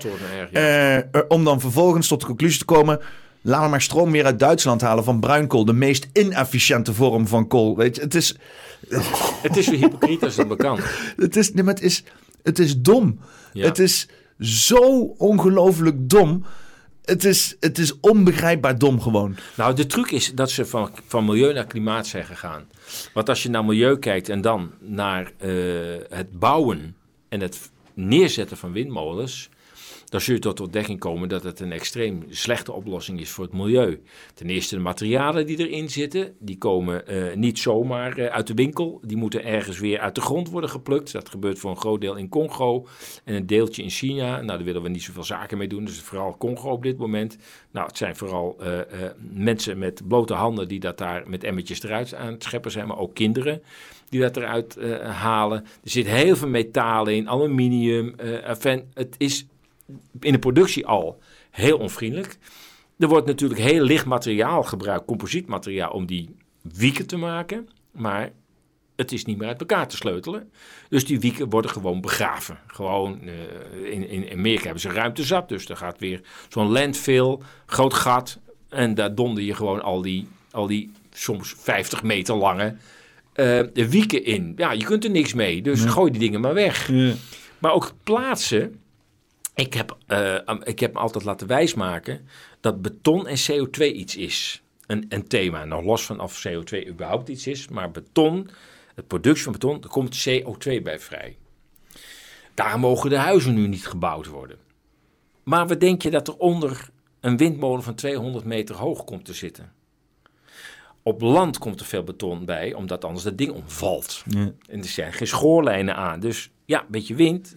En ook nog die wieken die eraan hangen. Een flinke blok beton zit eronder. eh. Juist. Maar op zee is dat nog groter natuurlijk. Want die bodem is niet zo hard als op het land. Het, in Nederland is het natuurlijk zachte bodem. Maar ga je naar Duitsland heb je al harde bodem. En er moet ook een enorme klop beton, beton in. Maar op zee is dat nog veel erger. Want die bodem is, is gewoon zand. Dus om daar een windmolen van 200 meter veilig te stellen... dat dat ding blijft staan bij de grote storm windkracht 8, 9, 10, 11... Ja, daar, daar is een huis, een, gewoon een eensgezinswoning aan beton wat daar de grond in gaat. En dan is er weer geen CO2-probleem. Nee, nee, nee. Dan is het ineens weg. 30.000 van die klompen moeten er nog bij komen, want er komen 30.000 windmolens bij. Nog los van het feit dat die kabels in de grond moeten. Die kabels geven warmte af en magnetische velden. Daar reageren vissen op. Die oriënteren zich daarop. Dus de hele visstand raakt helemaal door de war.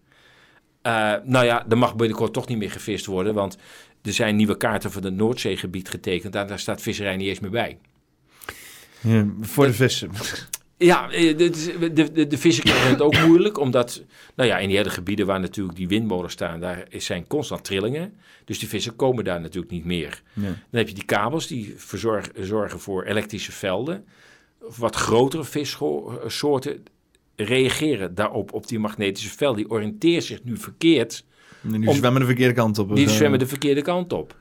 En eh, nog los van het feit, wat dacht je dat het eh, aan onderhoud vergt om 30.000 windmolens op zee te onderhouden? Ja. En Zout, lucht en zo. dat gaat waarschijnlijk heel snel naar de knoppen. Dat is binnen 20 jaar zijn het allemaal skeletten waarschijnlijk.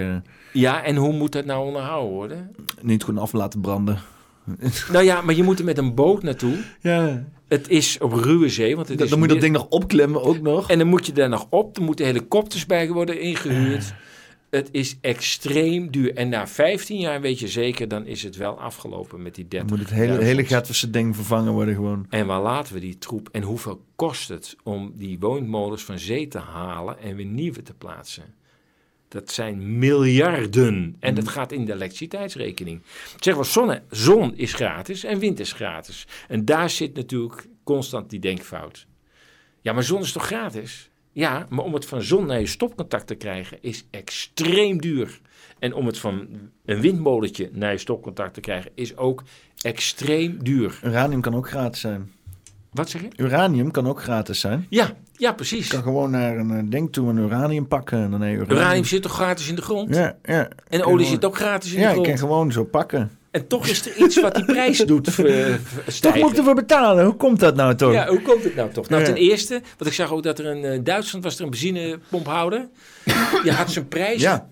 Ik had het in Paffy inderdaad. eh, en dan zag je Oh, nog ja. maar 70 of 80 eh, cent voor eh, staan. liter benzine. Dat is effectief. Als ik dat hier in Nederland zou zien, ik zou gek, ik zou gek, ieder, je zou gek worden. En ik denk vooral, ne vooral Nederlanders. Ja, die, gaan, die, die gaan kijken. En die, die portemonnee kijken. Portemonnee. En wat denk je dat er met de Tesla's gebeurt? ja, ja. Stel dat je de prijs... Die worden meteen eh, de dijk afgereden. Dat denk Ik wel. zeggen, waar kan je hem hoog vanaf rijden hier in Nederland? Niet zoveel. Het zou Misschien de van de dijk, ja, de maar- dijk is het hoogste komt hier in Nederland volgens mij. Overigens, wat gebeurt er met al die Tesla's? Want die Tesla gaat misschien wel lang mee, de plaatwerk. Maar die accu gaat niet zo lang mee. Nee, dat is allemaal... die Zonder kost- accu is het, helemaal, is een stuk rotzooi gewoon. En ik hoorde dat het meer dan 10.000 euro kost om een nieuwe accu te laten plaatsen. Eh, Ik had al, was dat in China? Ik weet niet meer waar het was. eh, Tesla Graveyard. Was, volgens mij, of nee. eh, ja. eh EV's China, volgens mij.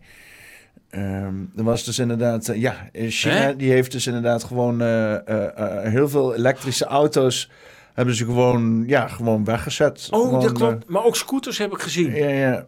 Hele velden met, met elektrische scooters. die, Nou, commercieel, wat is dit? Afbeelding, open een nieuw tabblad. Ja, daar zijn we. Ja, gewoon eh, heel veld. Gewoon met elektrische auto's. En die hebben ze er gewoon neergezet. Zo van, eh, ja, eh, we kunnen er niks mee. Het is allemaal kut. Ze kunnen er ook niet van afkomen, nee. Dus dat wordt dan maar da- daar zo neergezet. Totdat het iemands anders probleem is, denk ik dan. oh, mijn hemel. Ja, ik zag wel een, een fo- foto uit China met allemaal scooters. Die ook allemaal Ja, elektrisch, aan- ja. nieuw ja. aan de kant waren gezet. Dus wat we waarschijnlijk doen, is die shit naar China sturen. Zodat hun het ergens in een veldje kunnen neerzetten. En dan krijgen we wel een certificaat terug dat het goed is opgelost. Hè? Dus, eh, dat is Milieuvriendelijk, hè? Ja, klimaatneutraal hebben we het daar in de grond gedouwd. Ja. Nou ja, dat, hoe gek het ook klinkt. Het in de grond douwen van eh, wieken van windmolens. Als je het verhaal van het klimaat adopteert, Mhm. is het een klimaatneutrale oplossing. Want je doet eh Ja, koolstof... dat heeft, het klimaat wordt helemaal niet beïnvloed doordat je die rotsen in de grond duwt. Alleen het milieu wordt oh, er ja, ja, ja, ja, ja. Daarom moeten we weer terug naar milieu. Dan gaan we heel anders kijken naar wat we nu aan het doen zijn. Dan ontdekken wij dat de Tesla heel erg milieuonvriendelijk is. En dat de hele elektriciteitsopwekking, ook zonnepanelen. Laatst zag ik overigens een enorm groot zonneveld met zo'n zo'n zo'n grote collector in het midden. Een, eh, een, een enorm veld, daar was een hagelbui overheen gegaan. Daar kunnen ze niet tegen. De zonnepanelen. Ja, Ja. als een hagelbui een beetje sterk is, dan is in één klap die hele centrale is weg. Alles is Oh, stuk. oh die, eh, die, die, die, die beamen zo naar het midden toe. eh, Ja, zo'n maar al die panelen, als daar Dat zijn gewoon spiegels zijn dat gewoon. Spiegels, ja. Maar als die, als die hagelstenen op... Oh, dat zijn spiegels. Maar dat was ook met, met, met eh, zonnepanelen waar dus hagelstenen op waren. Het hele veld was uitgeschakeld. Lekker als we daar afhankelijk van zijn. Dan komt de hagelbui. Dan kijken we naar buiten zeggen... Oh shit, daar gaan we jongens. En, en wat kost dat dan om zo'n heel veld te vervangen? Ja. En waar laten we overigens die stukkende panelen? Want er zit allemaal troep in die we niet kunnen Er recyclen. zitten hele zeldzame metalen in die heel veel moeite kosten om te mijnen door kleine Afrikaanse handjes, Handjes. eh, ge, ge- gemanaged door Chinezen. Ja. Dat, dat, Ja. dat, dat, dat- als, als we ergens voor, voor moeten zorgen maken dat het opraakt, dan is het wel cadmium, barium en eh, strontium en dat soort zaken. Ja. Dat is Ja. fucking zeldzaam. Weet je waar het ook zit in Europa? De Mhm. grootste mijnen? In de Donbass. Daar Ah. zit de grootste voorraad aan stelt samen met metalen. Voor zover ze weten, zit daar een gigantische voorraad. Hmm. Interessant. Ook heel veel kolen. Dus als we nog een tijdje met schone kolen zouden willen gaan, dan zit daar de grond ook helemaal vol mee daar. Dus eh, ja, het is wel belangrijk dat we dat een beetje in handen zien te krijgen. Want eh, ja, anders kan die hele Green Deal niet doorgaan. En die, en, en, en die kleine Afrikaanse handjes in Congo vinden we ook niet zo leuk. Dan moeten we de Donbass zien bij te krijgen. Want dan kunnen we voorlopig even verder. Al hebben andere geologen hebben gezegd, nog los van of er genoeg is voor wat Europa allemaal wil. Dromerij, zeg ik dan meteen achteraan. De snelheid waarmee het uit de grond haalt, is ook een factor. Dat wordt overgeslagen. Dus stel dat er van alles genoeg is. Wat niet waar is, maar stel dat het allemaal genoeg is. Hoe snel krijg je het uit de grond?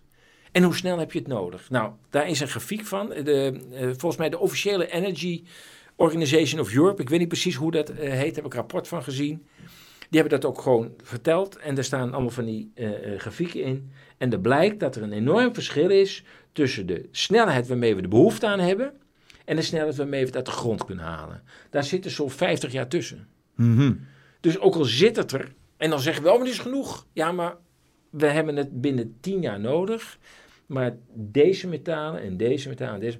Het kost 40, 50 jaar om het in die hoeveelheid uit de grond te halen. Nee. Dus we redden het gewoon niet. Nee, nee. Ook al zit er genoeg in. We kunnen het niet uit de grond zuigen. Het kost heel veel tijd om al die metalen boven te verwerken. Je kan iets zo doen en het is een zonnepaneel, zeg maar. eh. Precies. Ja, maar heel veel mensen zeggen van, ja, leg alles maar vol. Alles overal windmolens, zonnepanelen. Ja, kan niet. Is niet genoeg shit, maat. En ik snap niet, ik snap niet dat, dat ook media die daar toch een beetje onderzoek naar moeten doen. Ja, ja, ja. Nou ja, ik Ja, las, ik, ik, ik, las ik, laatst- ik, ik heb zeg maar eh, eh, ehm, ehm, ehm, eh, reporters gezien, of hoe noemen we dat dan? ehm, verslaggevers? ja, eh, dus eh, financieel verslaggevers verslag zien doen over financiën, maar gewoon met twee Google searches gewoon de boel ontkracht kan worden. Hè? Dus eh, dingen over geld bij printen en inflatie en hoe, dat, hoe, dat, Ja? hoe die dingen nu inderdaad eh, eh, eh, kunstmatig worden gehouden op een plek dat het is.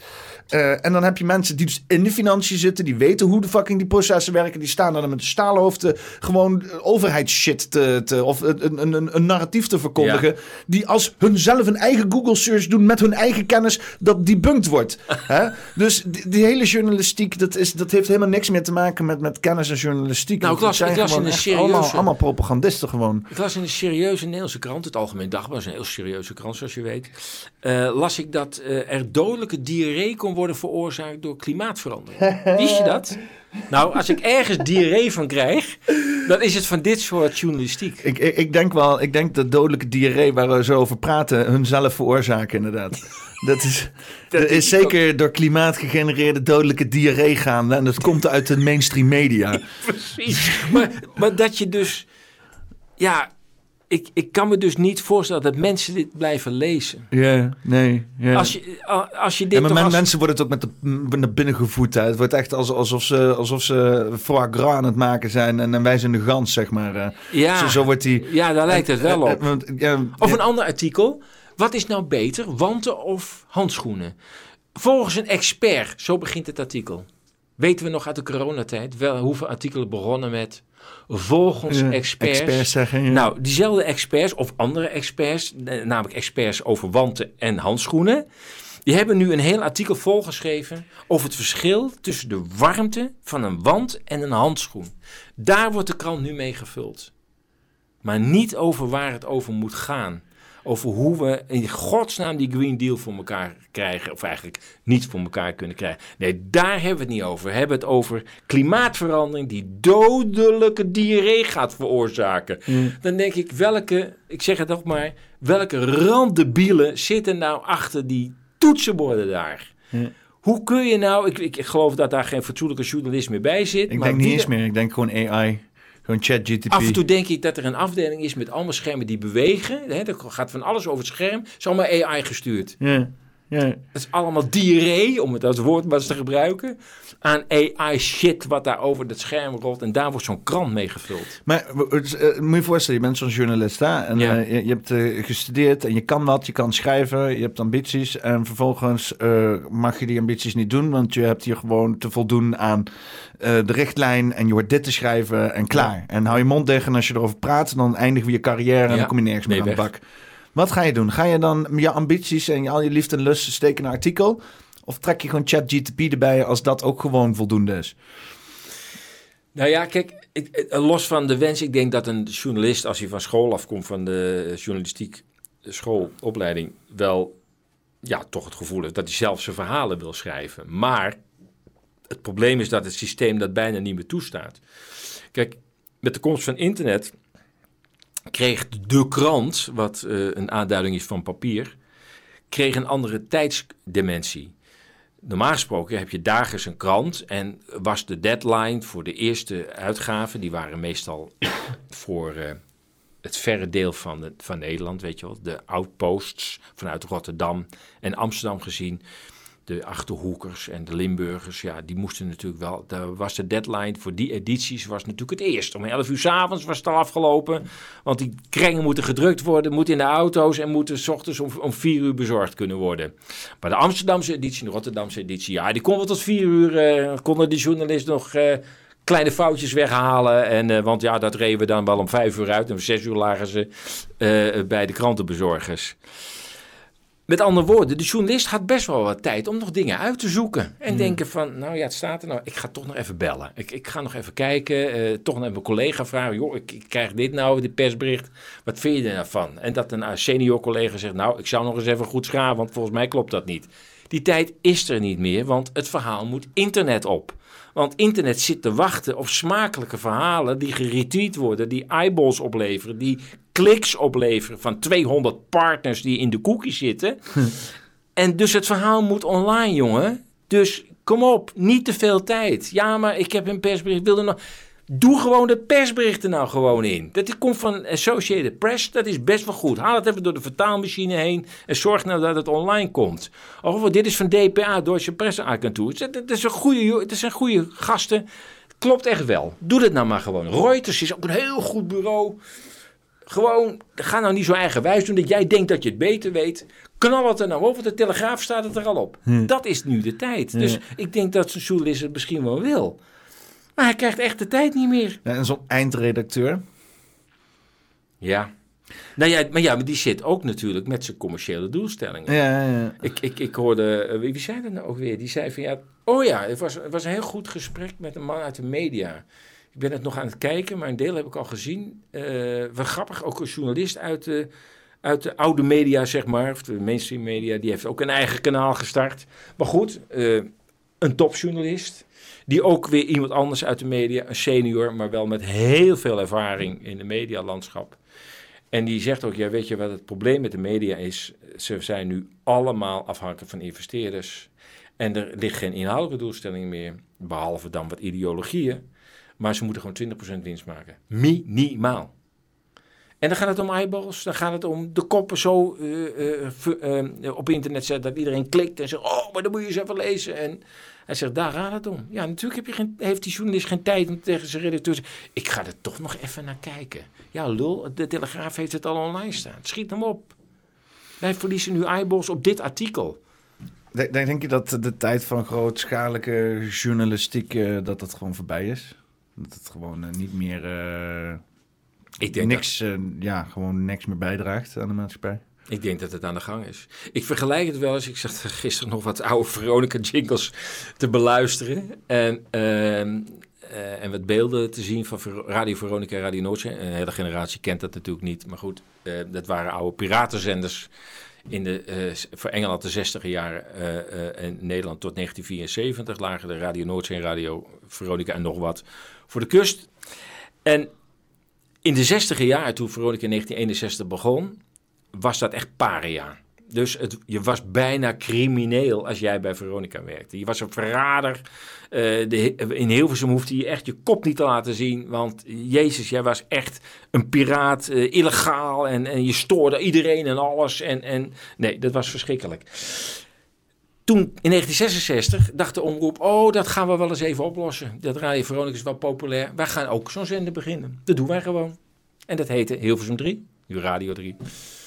Eh, of NPO 3, nog erger. Maar goed, het was toen Hilversum 3. En die ging popmuziek draaien. Maar ja, het haalde het niet bij de snelheid en, en de manier waarop Veronica dat deed. Dus dat, dat trok geen luistercijfers. En op een gegeven moment was er één Hilversumse eh, journalist.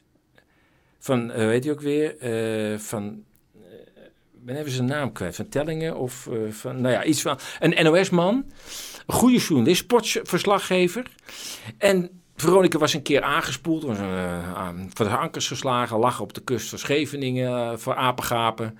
En eh, toen dacht hij, eh, Henk van Telling of, of iets dergelijks, die dacht, weet je wat, ik ga, ik ga gewoon vrolijke vragen of ik een programma kan mag maken vanaf het schip. We leggen een kabel gewoon naar het eerste beste verdeelpunt. En eh, ik ga mijn programma gewoon vanaf Veronica Schip presenteren. Het ligt toch op strand. Nou, dat was een rel, jongen, van hier te Tokio. Dat een NOS-man op zo'n schip ging zitten. Nou, dat, dat, dat, die man heeft het geweten. Nou, uiteindelijk is hij wel in dienst gebleven, want het was razend populaire verslaggever van NOS Sport. Eh, maar die heeft flink op zijn flikken gehad. Dat was toen echt van, nou, toen kwam uiteindelijk Radio Noordzee eh, in 1970 eh, bij. De- Die had veel sterkere zenders dan Veronica. Zwitsers zaten erachter.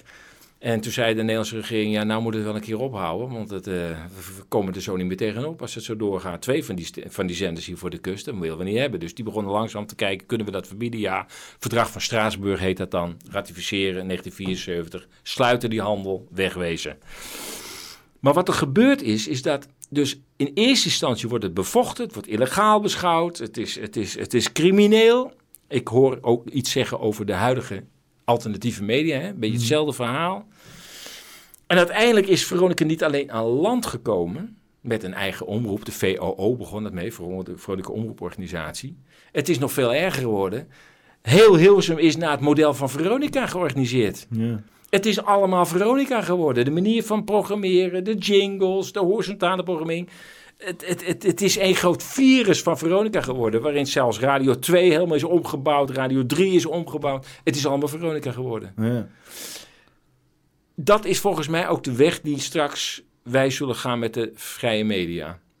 Uiteindelijk sluipt het straks gewoon in de grote media.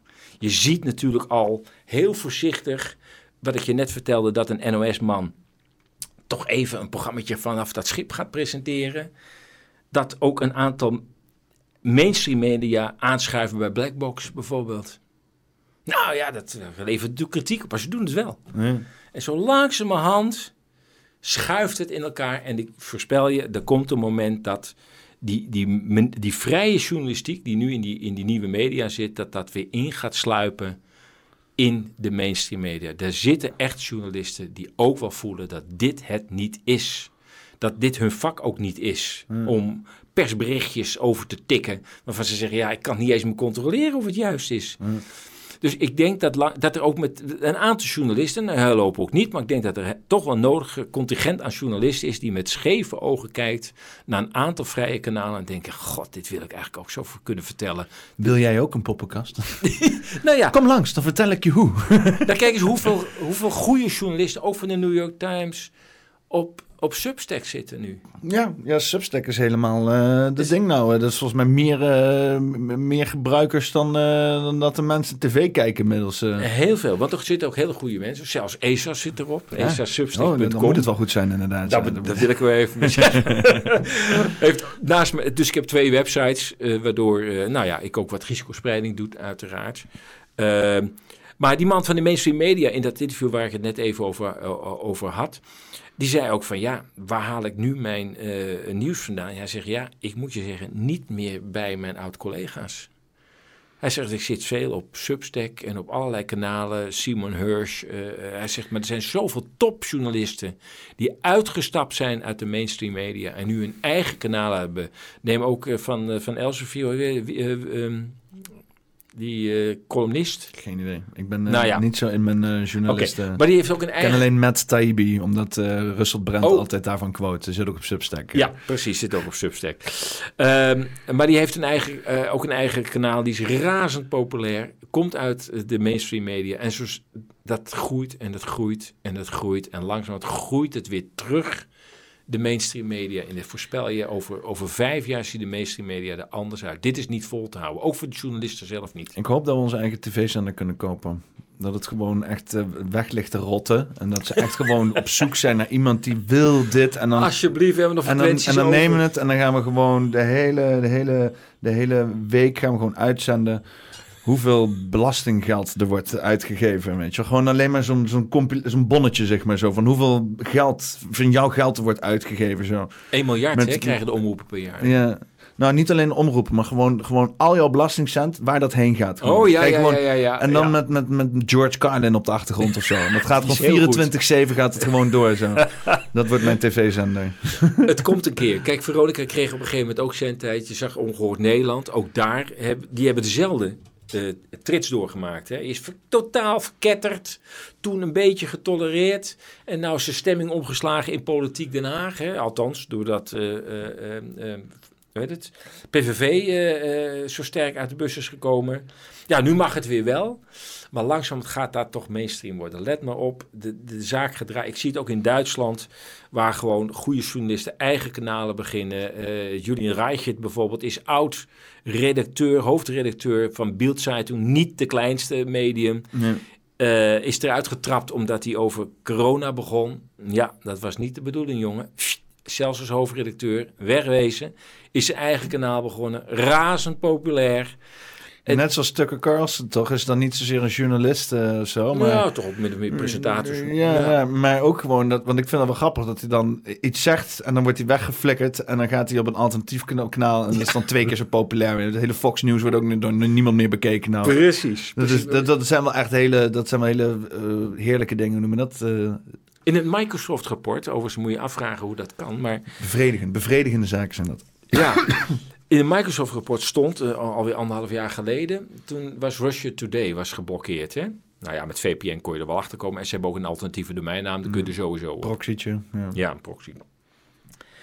Ehm, en Microsoft had uitgezocht hoe effectief de blokkade van eh, RT was.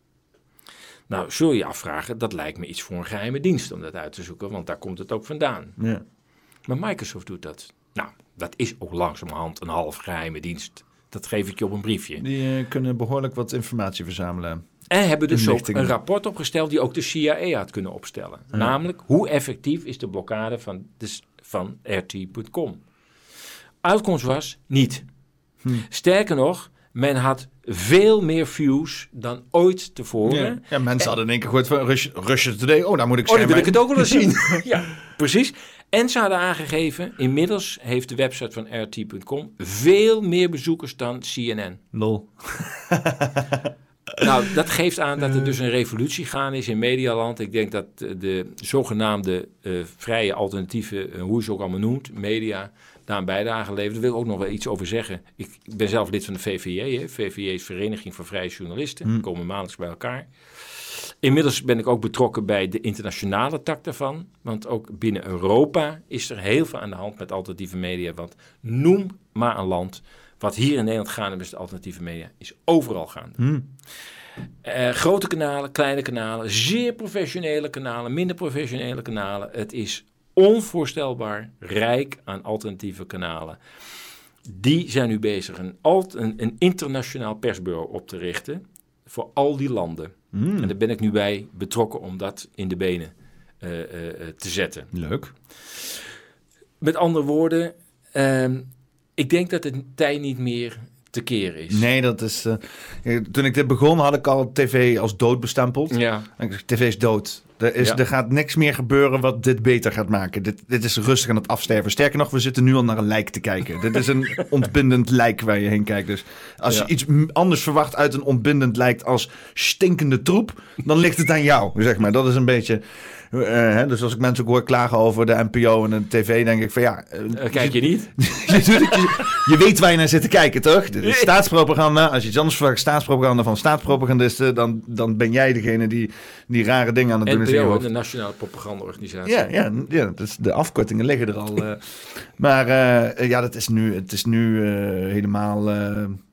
En vooral ik- de ik- ik- nieuwsvoorziening. Amusement dat blijft altijd wel ja, leuk. ja, maar mijn vader kwam dus naar me toe eh, van... eh, oh ja, de tv is nog nooit zo leuk geweest als de tv. Dus tegenwoordig goede programma's op tv. Goede tv. Oké. Ja, pa, is goed. Ja, prima. Nou ja, er, best, er zijn best wel programma's die gewoon leuk zijn om te ja, kijken. maar veel entertainment. De entertainment is prima. Er wordt genoeg geld in gestopt. Niemand eh, die precies. haalt iets moeilijks aan. Allemaal eh, eh, makkelijk te, te, naar binnen te, te, te, te nemen kost, zeg maar. Juist, En, maar als het eh, gaat om de nieuwsprogramma's, Ja. nou ja, op één... Gewoon eh, informatievoorziening, ja. ja, dat is het probleem, dat op één eh, zou worden beëindigd, heb ik begrepen. Dat overviel de, de, de presentatoren nogal, die moesten het uit de krant lezen, dat op één volgend jaar, of in de loop van dit jaar, wordt beëindigd. Dat is fucking grappig. Nieuwsuur staat erg onder vuur, hè, ligt erg onder vuur. Met, eh, vanwege de kwaliteit en de vermeende eh, zuiverheid van journalistiek. Hun leugens bedoel je? Of, Ja, ja ik, zeg, ik zeg het even netjes nog. Het journaal eh, staat natuurlijk ter discussie. Dus juist al die informatiefuncties van de publieke omroep staan enorm onder druk. Ja, en je hebt natuurlijk ook wel een tweede kanaal dat is, zeg maar, die informatievoorziening beperkt wordt. Waarbij je dus al inderdaad propagandistische kwaliteiten krijgt. Van Ja. eenzijdige informatievoorziening, maar ook eh, informatieverduistering. Ja. Maar dan heb je in de entertainment heb je ook eh, belangenorganisaties die daar ideologische eh, dingen in eh, verwerken op de achtergrond. Hè. Dus een zondag met Lubach, maar ook eh whatever er voor het talkshow gaande is. Er wordt altijd nagedacht over wat is het narratief, wat mag gezegd worden, wat mag bevestigd worden Ja. bij de mensen thuis. Ja. En wat moeten we weglaten, want, daar, want dan komen de kritische vragen. Dus die hele tv-machine, dat is gewoon een, een mind control apparaat. eh, ja, is het eigenlijk altijd al geweest, maar het is nu echt op volle toeren. En dan heb ik zo'n paar, zo'n paar dan die zeggen, oh, tv is nog nooit zo leuk geweest. Dan denk ik Ja, van, ja. je, je, je, je- En dan daarna begint hij inderdaad over het klimaat. Hè? Dus dan weet je al Oh. precies. Hè? Dus, Oh, ja. dus hij, hij komt eerst naar mij en zegt hij van... eh, oh ja, dat is leuk. eh, kijk heel veel tv en zo. De tv is hartstikke leuk tegenwoordig. Nederlanders maken maar een goede programma. En dan komt hij buiten en zegt hij... Oh, oh het regent. Ja, ja, de, de klimaat. Hè, daar moeten we maar aan wennen tegenwoordig. En dat is één en hetzelfde ding. Ja. Omdat je de hele dag tv kijkt... denk je dat er een klimaatprobleem is. Juist, Maar- juist. Nou, het valt me op dat in de... Ik kijk wel eens naar eh eh, Railway. Zou zeggen, dat is een heel lullig, lullig En ik programma. kijk dat ook wel. Dat is fucking gruwelijk. Vooral in Zwitserland. Ja, precies. Nou ja, laatst was, ging het over Schotland. Ze hebben een hele nieuwe serie nu. ik Bestaat overigens al 25 jaar. Hè? Het is, niet? is razend populair. Wat Ja. heel van dag Het is ook gewoon leuk, mooie landschapjes. En, eh, ja, het is gewoon een pretentieloos programma. Ja. Maar wel leuk om naar te kijken. Maar wat gebeurt er bij deze nieuwe serie? Oh god. Oh nee, toch. Ik dacht van, nou, dit is nou het programma in de categorie. Hier hebben we het even nergens anders over dan over dat treintje dat door het landschap rijdt. Treintje, landschap. Ja, dat is ook voorbij, want de nieuwe serie hoort het klimaat natuurlijk wel bij. Want dan rijdt het treintje door Schotland en dan rijdt het door het noorden van Schotland. Dan heb je uitgestrekte heidevelden, natte heidevelden. En weet je hoeveel kilo CO2 dat opslaat? Oh nee, toch. Oh, ja, ja. werkelijk. Maar het treintje dat rijdt nu nog op diesel, maar ze gaan het op accu doen. Wist je dat? Ja, want ze, ze- natuurlijk, ze hebben ook commitment voor. En toen dacht Misschien ik, zijn ze te ver gegaan nou. ja, ik denk, kan dit programma nou even CO2 vrij blijven? Ja. Het is toch Het verschrikkelijk? maakt toch niet uit. Het maakt niet uit. Hou gewoon je mond weg. Ik ben van het uitzicht aan het genieten. Ja. Precies, precies. En dan sluipt het dus overal in. En ja, het, het, het, het maakt het voor mij ook moeilijk ook, ook om de, dat. Dus ik begin ook af te haken. Ik Ja, ik kijk helemaal geen tv meer. eh, Ja, nou ja, dus, dit soort programma's eh, vind ik dan wel leuk om even te kijken. Ja, maar- dat, eh, op YouTube zet ik. Maar ik zet eigenlijk altijd dezelfde Zwitserland shit op. eh, dat is gewoon geweldig. Van Ja, het treintje dat super stijl omhoog gaat. Ja. zo. Dat is echt... eh, ja naar de Zermatt of zo. Ja, het is prachtig. Dat hebben we ook heel veel we zitten wel eens in de Discord te kijken. Hè? Dan zitten we dus inderdaad, zijn we daar met onze hippe nieuwe jeugd shit in de Discord. en dan zitten we met z'n allen Railway te kijken. Een beetje klassieke muziek op de achtergrond. En dan hoor je Jelle, hoor je daar. Boah, prachtig. Oh, kijk dan. Oh, geweldig. Maar oh, die, gaat, die gaat misschien wel een leuk artikel schrijven over, eh, over dat Railway verpest wordt met klimaatmeuk. Dat is, dat is Oh. zijn lievelingetjes. Dat, Ja? eh, dat is Oh, een van de weinige dingen op tv die nog inderdaad... eh, Ik denk dat hij zich eraan gaat ergeren. Want ja. komt nou hij ergert zich sowieso overal aan, dus ongetwijfeld gaat hij zich eraan ergeren. Maar hij moet zich er zoveel aan ergeren dat er ook een artikel uitkomt. Ja, dat hij heeft wel- alweer een maand geen artikel geschreven. Dus, Oh, oké. Dan, moet hij op- dan moet hij opschieten.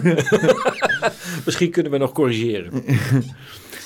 Ehm, zullen we rustig eh, richting een einde wandelen? Laten we dat maar doen. We zijn er toch weer een drie uurtje aan het lullen zo. Is het dus, eh, drie uur alweer? Ongelooflijk ik, toch? Ik hou hè? die, tijd, niet eh, het vliegt. Oh mijn god. Nou, oké. Het, eh, het vliegt nog. Ik hoop dat het de moeite waard is geweest om naar te luisteren. Dat Ja, is ja, het eh, is weer.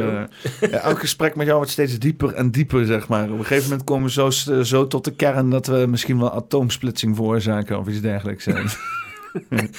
Dat het dak hier afgaat, bedoel je? Ja, ik vond het mooi, want we begonnen inderdaad met die, met die, eh, met die task wheel. Want ik ga je echt, ik ga je wel eens even flink, ik, ik kijk uit naar jouw artikel erover. En ik Ja. ga ook eens even al deze termen uitzoeken. Want eigenlijk de eerste al, nou transhumanisme kennen we maar die extropianisme is al ideaal. Want dat gaat dus over extropie. En als, zoals ik het goed begrijp daar, entropie is dan de, de, de, de zaken die in gang worden gezet niet meer gestopt kunnen worden. En alles loopt uiteen. Alles wordt alleen maar complexer en complexer. Ja. En eh, dit extropie is dus eigenlijk, als ik het goed begrijp, het tegenovergestelde daarvan. Dus eh, dat je inderdaad zegt van alles wordt niet uiteindelijk. eh, eh, eh, eh, ehm, Ehm, alles blijft maar doorgaan, maar je kan daar een stop tot zetten. Dus het is zeg maar die, die maakbaarheidsgedachte volgens mij. Als ik het zo, ik moet het nog even Ja, helemaal goed lezen. Dat hoor, zou maar- kunnen. Er zit ook een term bij, die heb ik, nogmaals, ik heb het niet helemaal in mijn hoofd zitten. Waarbij het ingrijpen in geboorte eh, ehm, niet als de juiste weg wordt gezien. En eh, dan ben ik even die term kwijt die daarbij hoort. En dan denk je toch van best wel vreemd, hè? Ehm, ik probeer, probeer ook die tegenstrijdigheden in al die narratieven een beetje boven water te krijgen. Hè? Ja. Je hebt een mainstream narratief, maar de alternatieve media hebben ook een narratief. Ja, meerdere vaak. Meerdere vaak. En dan zie ik bijvoorbeeld in die eh, eh, eh, reeks van, van termen, één term, en als je dat gaat uitspitten, blijkt dat te betekenen dat je niet moet ingrijpen in de geboorte en dat dat geboorte gewoon de vrije loop moet worden gelaten. Ehm, dat is in tegenstelling tot wat we steeds horen, dat men de planeet wil ontvolken. Ja, ja, ja. Dat is best wel bijzonder. Denk ik, hé, hey, hoe kan het nou? Want dat, Elon Musk is namelijk een voorstander van dat laatste. Die zegt, het probleem is niet van de aarde dat we te veel mensen hebben. Hij zegt, we gaan naar een tijd dat we te weinig mensen Ja, hebben. Zie zie Dus je in die Nederland, zie- je dat al. in Nederland zie je het al. Ja. Dat wordt dan wel aangevuld met immigratie. Ja. Maar goed, dat is het ene ruil niet. Wanhopig hier vluchtelingen heen aan het halen om onze jeugd te vervangen of zo. Ja, dat, Maar hoor maar dat je omvolking zegt. Ja, ja, ja, precies. Dat, dat, overigens, eh, ehm, eh, een, een nota van ehm, de Verenigde Naties uit 2000, daar heb ik ook een artikel over geschreven. Eh, dat gaat over replacement immigration. Dat heet gewoon zo. Het heet gewoon zo. Het ja. heet gewoon zo. Dat is gewoon de titel van het rapport. Replacement immigration. En er staan eh, gewoon getallen in waar je koud van wordt overigens. Want dan moet Europa miljoenen en miljoenen en miljoenen mensen hebben. Ze hebben allerlei rekensommetjes gemaakt. Eh, maar dat is in 2000. Dus de term is een officiële VN-term. Replacement, vervangingsimmigratie.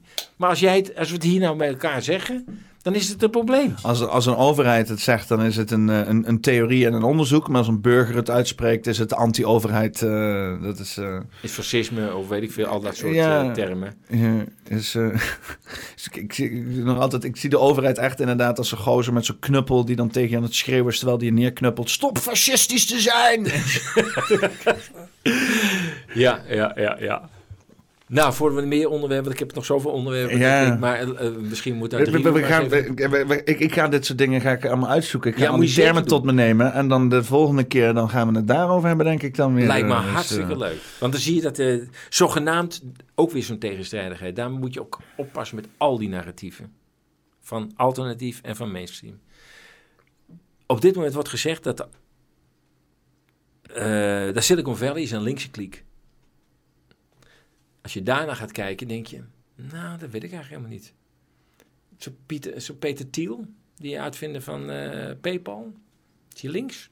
Ga nog eens goed kijken de ideeën die hij heeft, is dat nog wel links of is dat een soort neo-fascistoïde gedachtegang die hij er heeft?